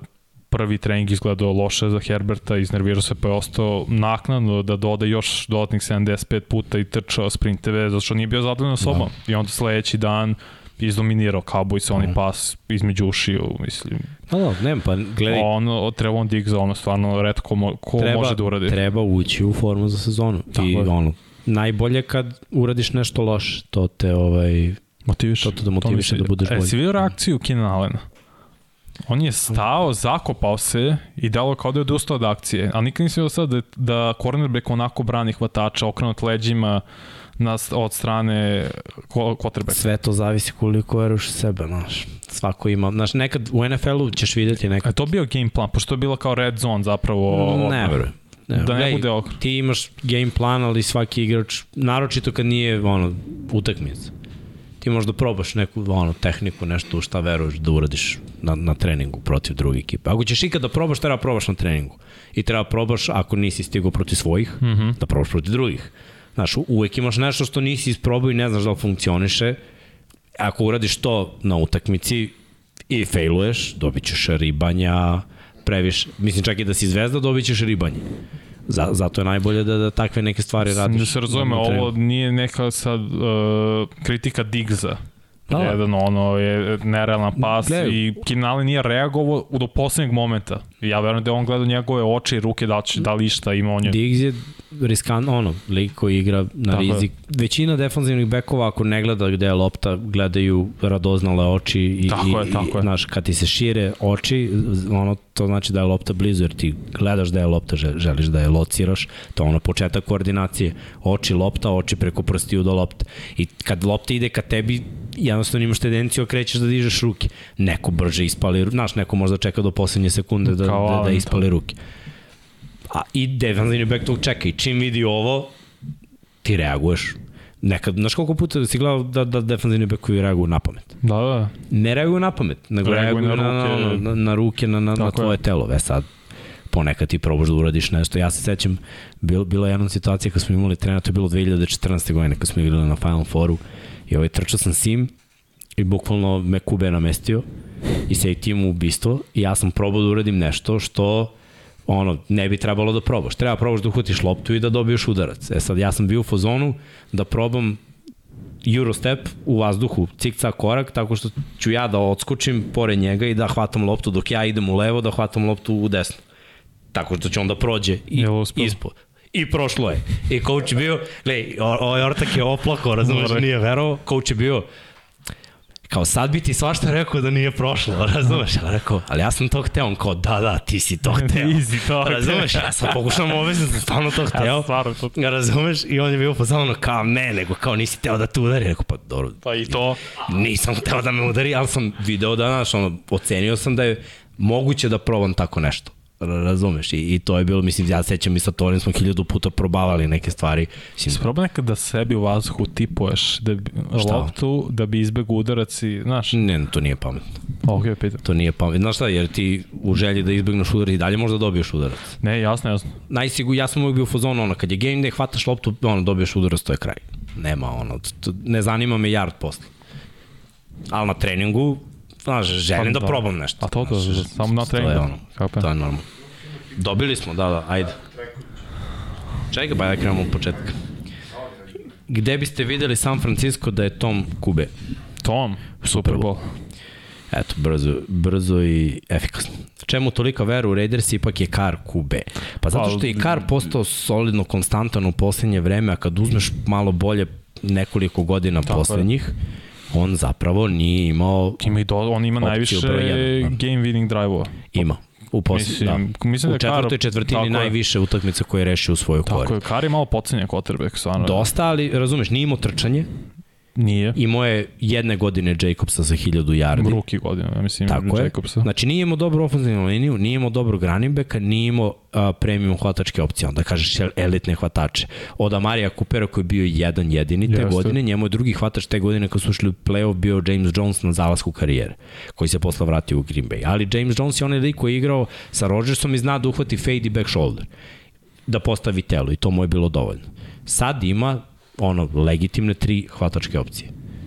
To je, to je moje viđenje. Zato verujem. I verujem u sistem, u stvari, McDanielsa koji je, ono, sistem New Englanda. Derek Hart samo mora bude svoj, da budete neki od 8. do 10. 11. najbolje quarterbacka. Da I- ti u većini mečeva imaš bolje quarterbacka, ali da kad do, igraš protiv timova koji imaju možda malo boljeg, da on bude približno tome. Da. Uh, šta prenosite na sve kod pripremnih treće nedelje? E, to sam rekao, to sam rekao, mislim da je da su samo dve utakmice, ali ne mogu, sad pokušat ću posle da, da uđem samo da, da najavim. Znam sigurno sada što ide, jesi, jesam posle ja tada, Znam šta se prenosi generalno, ne znam na sport klubu, ali ne znam da, da, da li je okačeno negde, jer znam da sam dobio samo mail, pa sam tako rekao. I na prethodnom podcastu ovom i na SK NFL podcastu sam rekao koje su te dve utakmice. A što se tiče sada, u nedelju ide Arizona Baltimore, Baltimore u ponedeljak idu Jetsi i Atlanta. To su dve koje idu u ovom kolu. Zajedno sa Chicago i Seattle imamo još dve. Uh, mišljenje o Green Bayu. Pa Green, Green, mislim, kao što vidite, nisu ovde. Što znači tako da ćemo gore. mišljenje o Green Bayu da damo sledeće nedelje kada ih budemo, ovaj, kada budemo pričali o njima, i dalje to jak talent, dobar sistem i očekujem playoff, mislim da se osvoji divizija. Minimal. To je moje očekivanje. Kakvo je stanje, jel dolazi tu Minhen? Uh, ne znam. Plan je da mi preko Bundesliga i tih prava koje imamo sa akreditacijama dođemo na tu utakmicu i da budemo na stadionu. To je plan koji je realan, koji je pokrenut sa realizacijom, ali da li će se desiti ne zavisi od mene, ali ja se iskreno nadam, eto, pogurat ćemo još malo to. Sad je ovo kraj avgusta, a ovo je početak novembra, znači imamo ceo septembar 13. i skoro sredina novembra. Uh, dobro, Robert. Kines kaže Pitmanima da pokida sezonu, vrlo moguće. Sumnja. Crazy Star kaže, kako vam se čine Bersi u ove dve utakmice? Mene raduje dosta stvari, pre svega trud i disciplina. Trud i disciplina, sav respekt. Znači, to se promenilo mnogo. Mnogo je rano, online deluje klimavo, mada ruki levi tackle Braxton bi mogao da bude ogroman stil. Uh, ima, znači tačno se vidi da, da je rebuild. Da. Tačno se vidi da, da su malo, znači da su da, daleko par nijansi od toga da budu ozbiljna ekipa. Fali talenat, znači to treba reći. Ja bih ako više od fa, par nijansi, tebi fali talent na najbitnijim pozicijama. Ali pazi, kad imaš effort, to može da nadomesti. To Malo. Neko. Ne može da ti nadomesti da uđeš u play-off. Ali, gledaj, opet... Lionsi su imali okay. effort cele prošle da. godine, pa ti je to značilo... Ali opet bi pregledao takvu ekipu, nego talentovano koje nema effort. Jer imaš toga i da, da ekipe onako failuju sezonu. Ne, da, to je drugo, da li to pobeđuje, to je... Pa gledaj, da, realno... ove godine, ove godine Ne može, ne. jer je prva godina za novog trenera i sve, dobit će oni neke tekme, neće ja, mislim, mnogo. neće ni sledeće godine biti velika razlika, jer te, tebi toliko rupa, imaš i pozicija cornerbacka i edža i hvatača da. i tekla, ti to ne možeš da pogodiš sve na jednom draftu. Jest. Zato verovatno i ne daju znači, ne daju Rock One. Rock One ugovor, nego hoće da imaju onako da durade priču kao tipa fila, znači. Tri pika. Ili kod Jetsi. Tri pika u, u jednom draftu. Tri pika prve runde, tri startera. Da, to moraš, ali to moraš da tradeš Tako Smith. To ćemo da vidimo da li će da se desi. Ali bi bilo dobro za Chicago da to urade. Da li vam se može desiti neka greška u rankingu kao prošle godine sa Bengalsima da neka ekipa tako iznenadi? Pa pazi, naravno da može, mm. eto, mislim, potvrda je prethodna sezona, niko od nas nije očekivao da Bengalsi sa šupljom ofanzivnom linijom Tako je. i kljakavim burom dođe do Superbola, ali bukvalno on, ne znam se, Chase je izgromio sezonu, Mixon je odigrao super, Higgins je odigrao neki super. Tim koji bi mogao to da uradi. Ne da... to, ne, ne, ne Super Bowl, ajde da kažemo tim koji playoff, je... Da uđe da, u playoff, a da baš ne očekujemo. Od 17 do 32. Do, pa, sorry, ajde, do, ne, od 17 do 20, znači to je Dallas je 20, pa Arizona, Cleveland, Washington, Giants i onda Carolina, Seattle, Jets, Atlanta, Detroit, Jacksonville, Houston, Chicago. Pa pazi, Ću reći ne Detroit. mogu da ne mogu kažem Giantsi zato što baš ne verujem u quarterbacka, ali mogu kažem Dallas jer verujem u Daka Prescotta. Ja ne vidim Dallas u play-offu u NFC ove godine, ali mogu da ih vidim da uđu u play-off i da pobede neke utakmice jer ono možda se može to da se sklopi, znaš, im, i tu može, znaš tu ima razlika? dobrih igrača. Oni su pre, prošle godine predvodili ligu u takeaways, to jest da, da ne kažem ukradenim Ukrad, loptama, da, osvojenim loptama. osvojenim loptama. To redko ko to se redko kad dešava da ekipa to ponovi. To mislim, Jeste, neko je to rekao kad da je... Kad je Chicago to uradio, bili su playoff. Ali, Kada je Baltimore to uradio, bili su najbolji tim u NFL. A nisu ni oni ponovili. Niko nije ponovio. Ponovili naš ko Pittsburgh Steelers iz one ere Steel da. Curtain. Da. To je davno. To se ne dešava i to prosto se izjednače. To je i stvar, stvar sreće. Diggs da. je toliko puta mamio pa je ubio uspešan. Da, da. Tako da, Šta znam? Ja kažem, ja ne kažem mogu da Detroit. vidim ekipu koja je birala top 5 na draftu i da uđe u Pa ne, playoff. To ne mogu. Ja, da vidim. šta, jel Pošto Detroit su Bengalsi 5? to. Ne, ne, da budu Super Bowl, ne, ja mislim da Ne, ne, ne, Detroit... ali ja ne mogu da vidim ni top 5 draft da uđe u playoff. Ko je bio top 5? Jacksonville? Cincy. Ne, ne, ne. A misliš pro- šta, od ove sad, godine? Sad. Pa Jetsi. Ja mislim Detroit da može, da Detroit ima drugu pik. Ja mislim Detroit može da bude približno to, mislim. Baš, Pa- baš im velike, o, veliko mišljenje o Detroitu. Pa šta znam. Ne mogu Hmm? verujem u Goffa, brat. Da, da, da. Ne mogu da verujem u Goffa. Uh, Pittsburgh nije bolje od Tennessee po vama, bolju odbranu, mislim, gledaj, po, po nama. Mi imamo jako različita mišljenja, to Mi morate da mi razumete. nismo, mi, mi kao mi, nas dvojica, već mi nas kao šest, mi se, šest se razlikujemo u 10 mesta Pod jedan. i onda ja vidim Pittsburgh kao ekipu koja može Ti da si uđe u stavio playoff. 17. Jel da, Pittsburgh. Ja sam stavio 18. Don Pablo 17. Meni je, za Srki je Pittsburgh, stavio 21. meni je za Pittsburgh problem quarterback i jedini problem odbrana mi je možda Meni najbolje je u ligi ofenzivna linija Pittsburgh. najveći problem. To mislim da će se popravi malo. To mi je najveći problem, tako da... Da li Sharp može da bude treći hvatač Bears? Pa može, mislim, ne u znam ko je principu. drugi hvatač. Taj J, Bears. taj J, da. Znaš šta, sino smo videli neke momke koji, ono, na Simba Webster je Pazi. bio solidan sinoć, šta znam, na Kill Harry neće igrati. Oni Neće. hoće, znaš šta oni hoće? Oni hoće nekog 1,90 plus hvatača, to, to, to njima Jel, treba. Mislim. Kad je poslednji put Chicago napravio hvatača, ne računim ovim Talon Robinson, zašto ga oni nisu draftovali? Alshon Jeffrey, Jesu ga oni draftovali? yes. Je li bio legit broj 1 hvatač top 10 u nekom momentu? Nije bio legit broj 1, ali je bio, statistika mu je bila broj 1. Znaš zašto nije bio broj 1? Zato što isto te brojeve imao uh, Brandon Marshall. Preko Jesu ga oni draftovali? Nisu. Brandona Marshalla ne, nisu. ali Olšona da. To ne, to hoće kažem, ti realno, ja prvo ne znam da li postoji hvatač u Hall, u Hall of Fame-u koji igra za Chicago. Mislim, sad sam pisao. Pa biće Devin Hester, Chicago. je- ali on je return. Da. Mislim, ali okej. Okay, kao. Hoću kažem da Chicago nema tu tradiciju da Nema. gradi hvatači da ih pravi.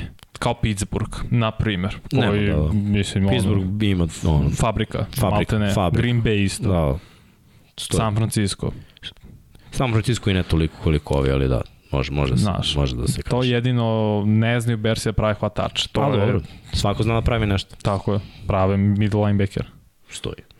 Kao što se da primetiti u poslednje vreme, stvarno. Uh, kako vam je delovo Mitch protiv Seahawks? Meni je delovo dobro. Meni je Pittsburgh E, delovo sva dobro, ali gledaj, dobro. sad kad sam vidio kako je Chicago delovao protiv Seahawksa, pitam se koliko je realno da, da su ova dvojica izgledali dobro. Jer, znaš, protiv E, sva trojica su Simijan je grmeo. Jest. Simijan je grmeo, a Simijan je kanta. Simijene grme. Da. Simijana smo gledali prošle godine. Tako, Ko navija za samo Saints zna kako izgleda Simijan. Tako da on, toliko o, o, o Steelersima i quarterbackovima, želim da ih vidim u malo boljem svetlu, iskreno.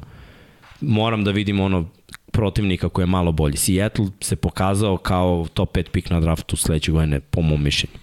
Malo sam ih precenio, sad kad sam vidio ovo juče, očekivao sam da će juče biti tu. Sa, Ne. jer, jer sam znao da će Gino i Drew Locke igrati prvo polovreme. U to sam bio siguran. Mislim Bilo da, loše. se, da Seahawks imaju najgoru quarterback situaciju u ligi, trenutno. Vrlo moguće. Čekaj da vidimo dalje. Pringle da bi mogao da bude treći za Chicago. Crazy Srb, eto da ti kažem. Pringle je bio ok, mislim opet ovde ga čeka možda pozicija 2 ili 3, a u Chiefsima bio 4-5. da. I onda, znaš, I ako, ako je spreman da kaže ok, to je to. Texans i sniki drugo mesto u diviziji. Nema teorije. Nemaš, mislim ono, ako Bukvalno. bude, eto, to su ti Bengalsi od prošle godine, mada čisto su... Kako? To je jedan, ne, Da, da. Inače, prehodno dva podcasta ste pričali često o agentu Rokuana Smitha, on nema agenta kao Lamar i, Nismo pričali o... Ne sjećam sam spomenuli agent. da, i Paul koji je generalni menadžer je pričao o tome da to pravi problem. Uh, sve je moguće.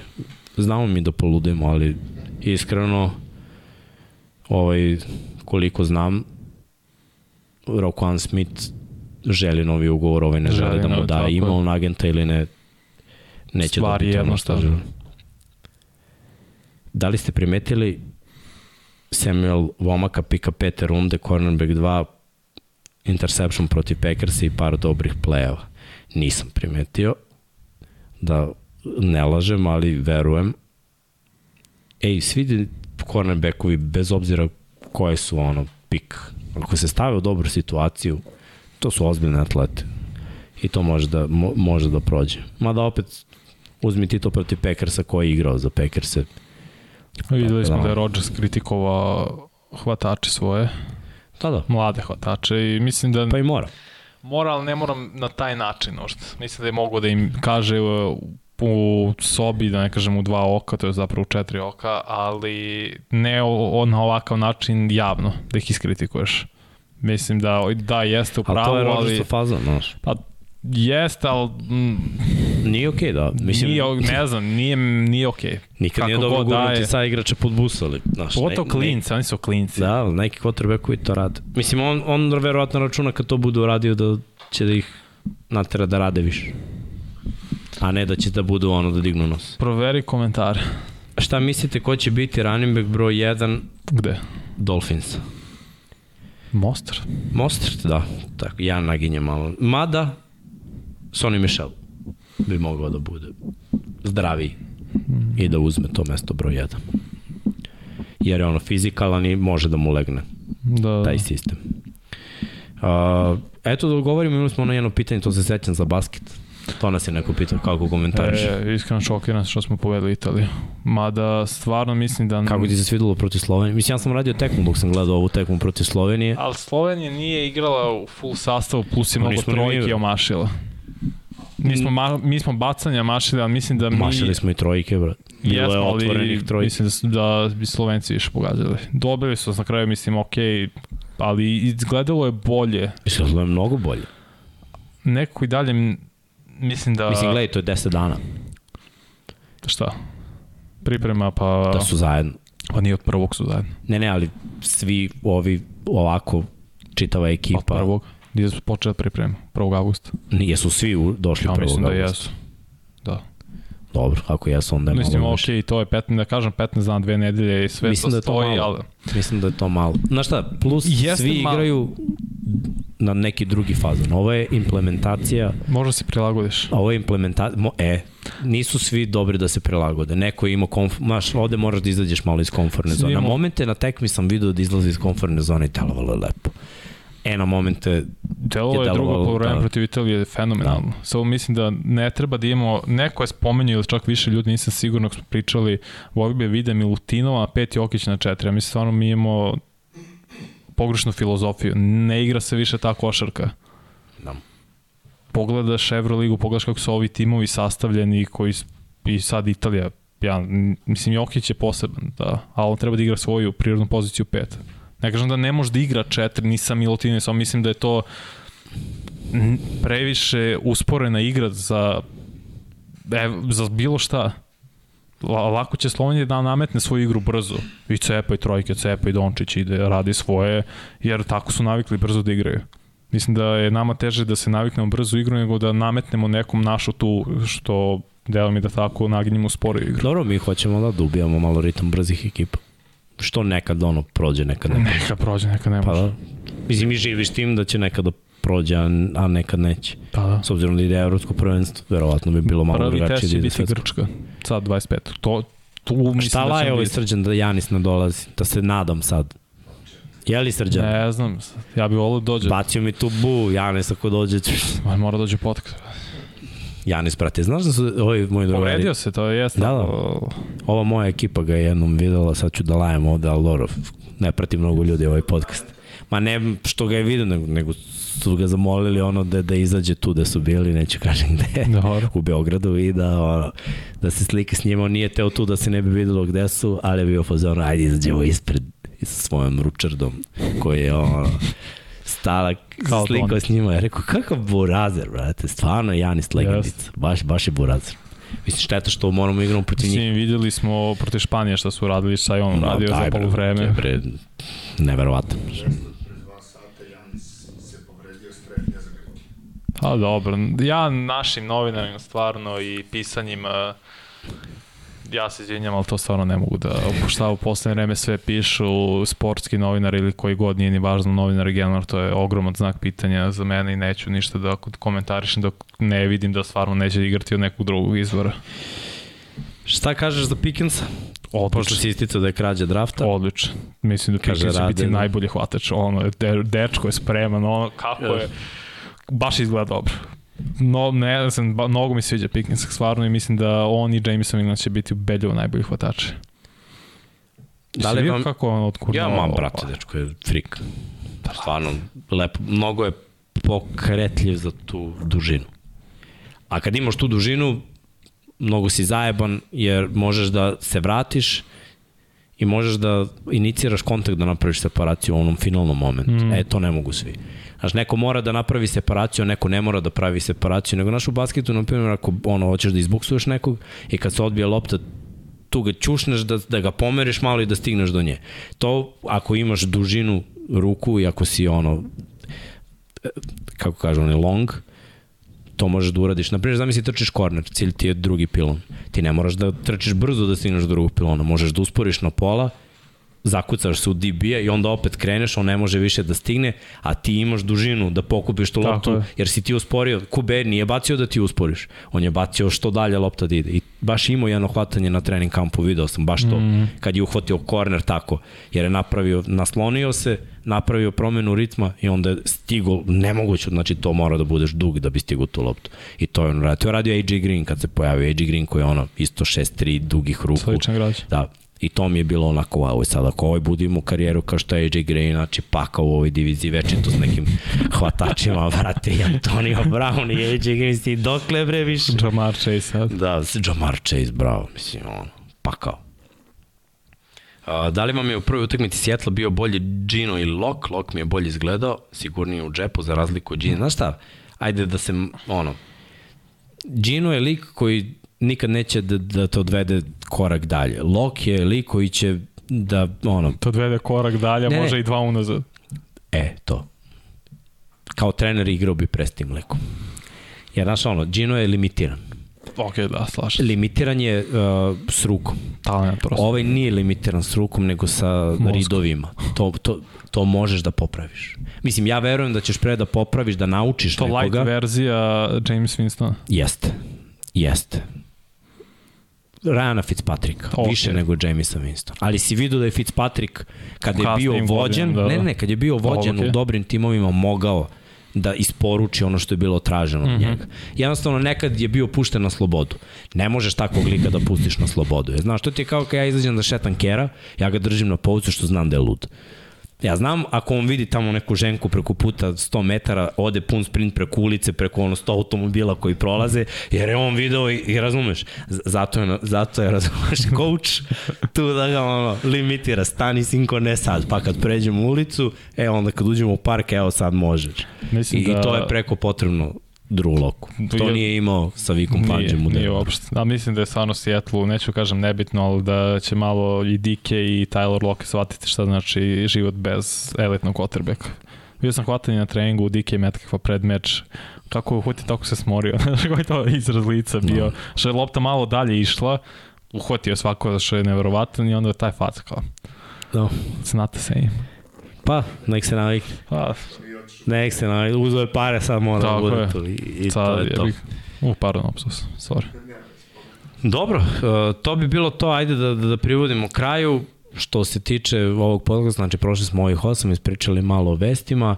Uh, još jednom da se zahvalim svima, baš nas je bilo dosta i, i, i uvek kad ima preko 200 ljudi u live-u, meni je nekako drago i sve nas je nekako više i bliže se sezona i, i to je samo ono znak da se zahuktava, tako da ovaj, da pozdravim još jedno sve naše članove, sve naše svetioničare, sve naše uh, koje nas podržavaju na Patreonu. Pokrovitelje. Uh, pokrovitelje, da, uvijek zaboravim tu reč, ono, kad se ovako zaleti. Patron, da, te sam da kažem patronđe. Možda treba napraviti tako neko. Sa kao kamionu, pa idu kao, kao kamionđije, pa znaš. Pa patronđije. Pa šta znam. Ne znam koliko kao, znaš, kad on ide dim iz kamiona, iz, kao u tom dimu, u tom oblaku dima su njihova imena. Za ne ide dim iz vagona? Pa mislim da imaju kam, iz kamiona neke možda, možda, možda Optimus Prime. Pa Aha. da, da, da. da. Mi nemamo te kako. Nas ide da imamo lodala sa svih strana. da, i zauspoh uglavnom, nažalost. Evo, pa kao. Nadam se da ste uživali u ovom podcastu i nadam se da, da vam nije bilo malo što smo samo i Vanja i ja tu, ali eto, očekujemo i ovaj ostatak ekipe uskoro da nam se pridruži, pa da nastavimo da rokamo još jedan podcast pre a, nego što završimo ovaj power ranking i onda već možemo da sumiramo utiske i da se zagravamo za sezonu. To nam je ideja, imamo neke iznenađenja za vas o kojima nećemo još da pričamo, ali ono, bukvalno su finiširana, tako da sad već možemo da kažemo da se ekipa makla s nule i da smo konačno napravili neki, neki progres, neki pomak kako bi vas iznenadili. Spremili smo nešto što ja iskreno mislim da, da, da će vam biti Biće, biće top. onako nešto što ste vi tražili umeđu vremenu. I nešto što o, u potpunosti ne očekujete. Znači, bit će jedan ono, šanko, šta je su ovo uradili? E, to ćemo da uradimo, ali ne još. Čekamo, čekamo kick-off, čekamo početak sezone. A do sledećeg petka, je tako do sledećeg ili Pa do sledećeg šta? do sledećeg? Pa do sledećeg. Bićeš nedelju dana na odmoru. A, doću da radim. Tako je. Evo, brate, ovaj dečko je bre najvredniji. Ne uništi ga. Ovaj čovjek je ne uništi. Veliki pozdrav iz Infinity Lighthouse Studio. Música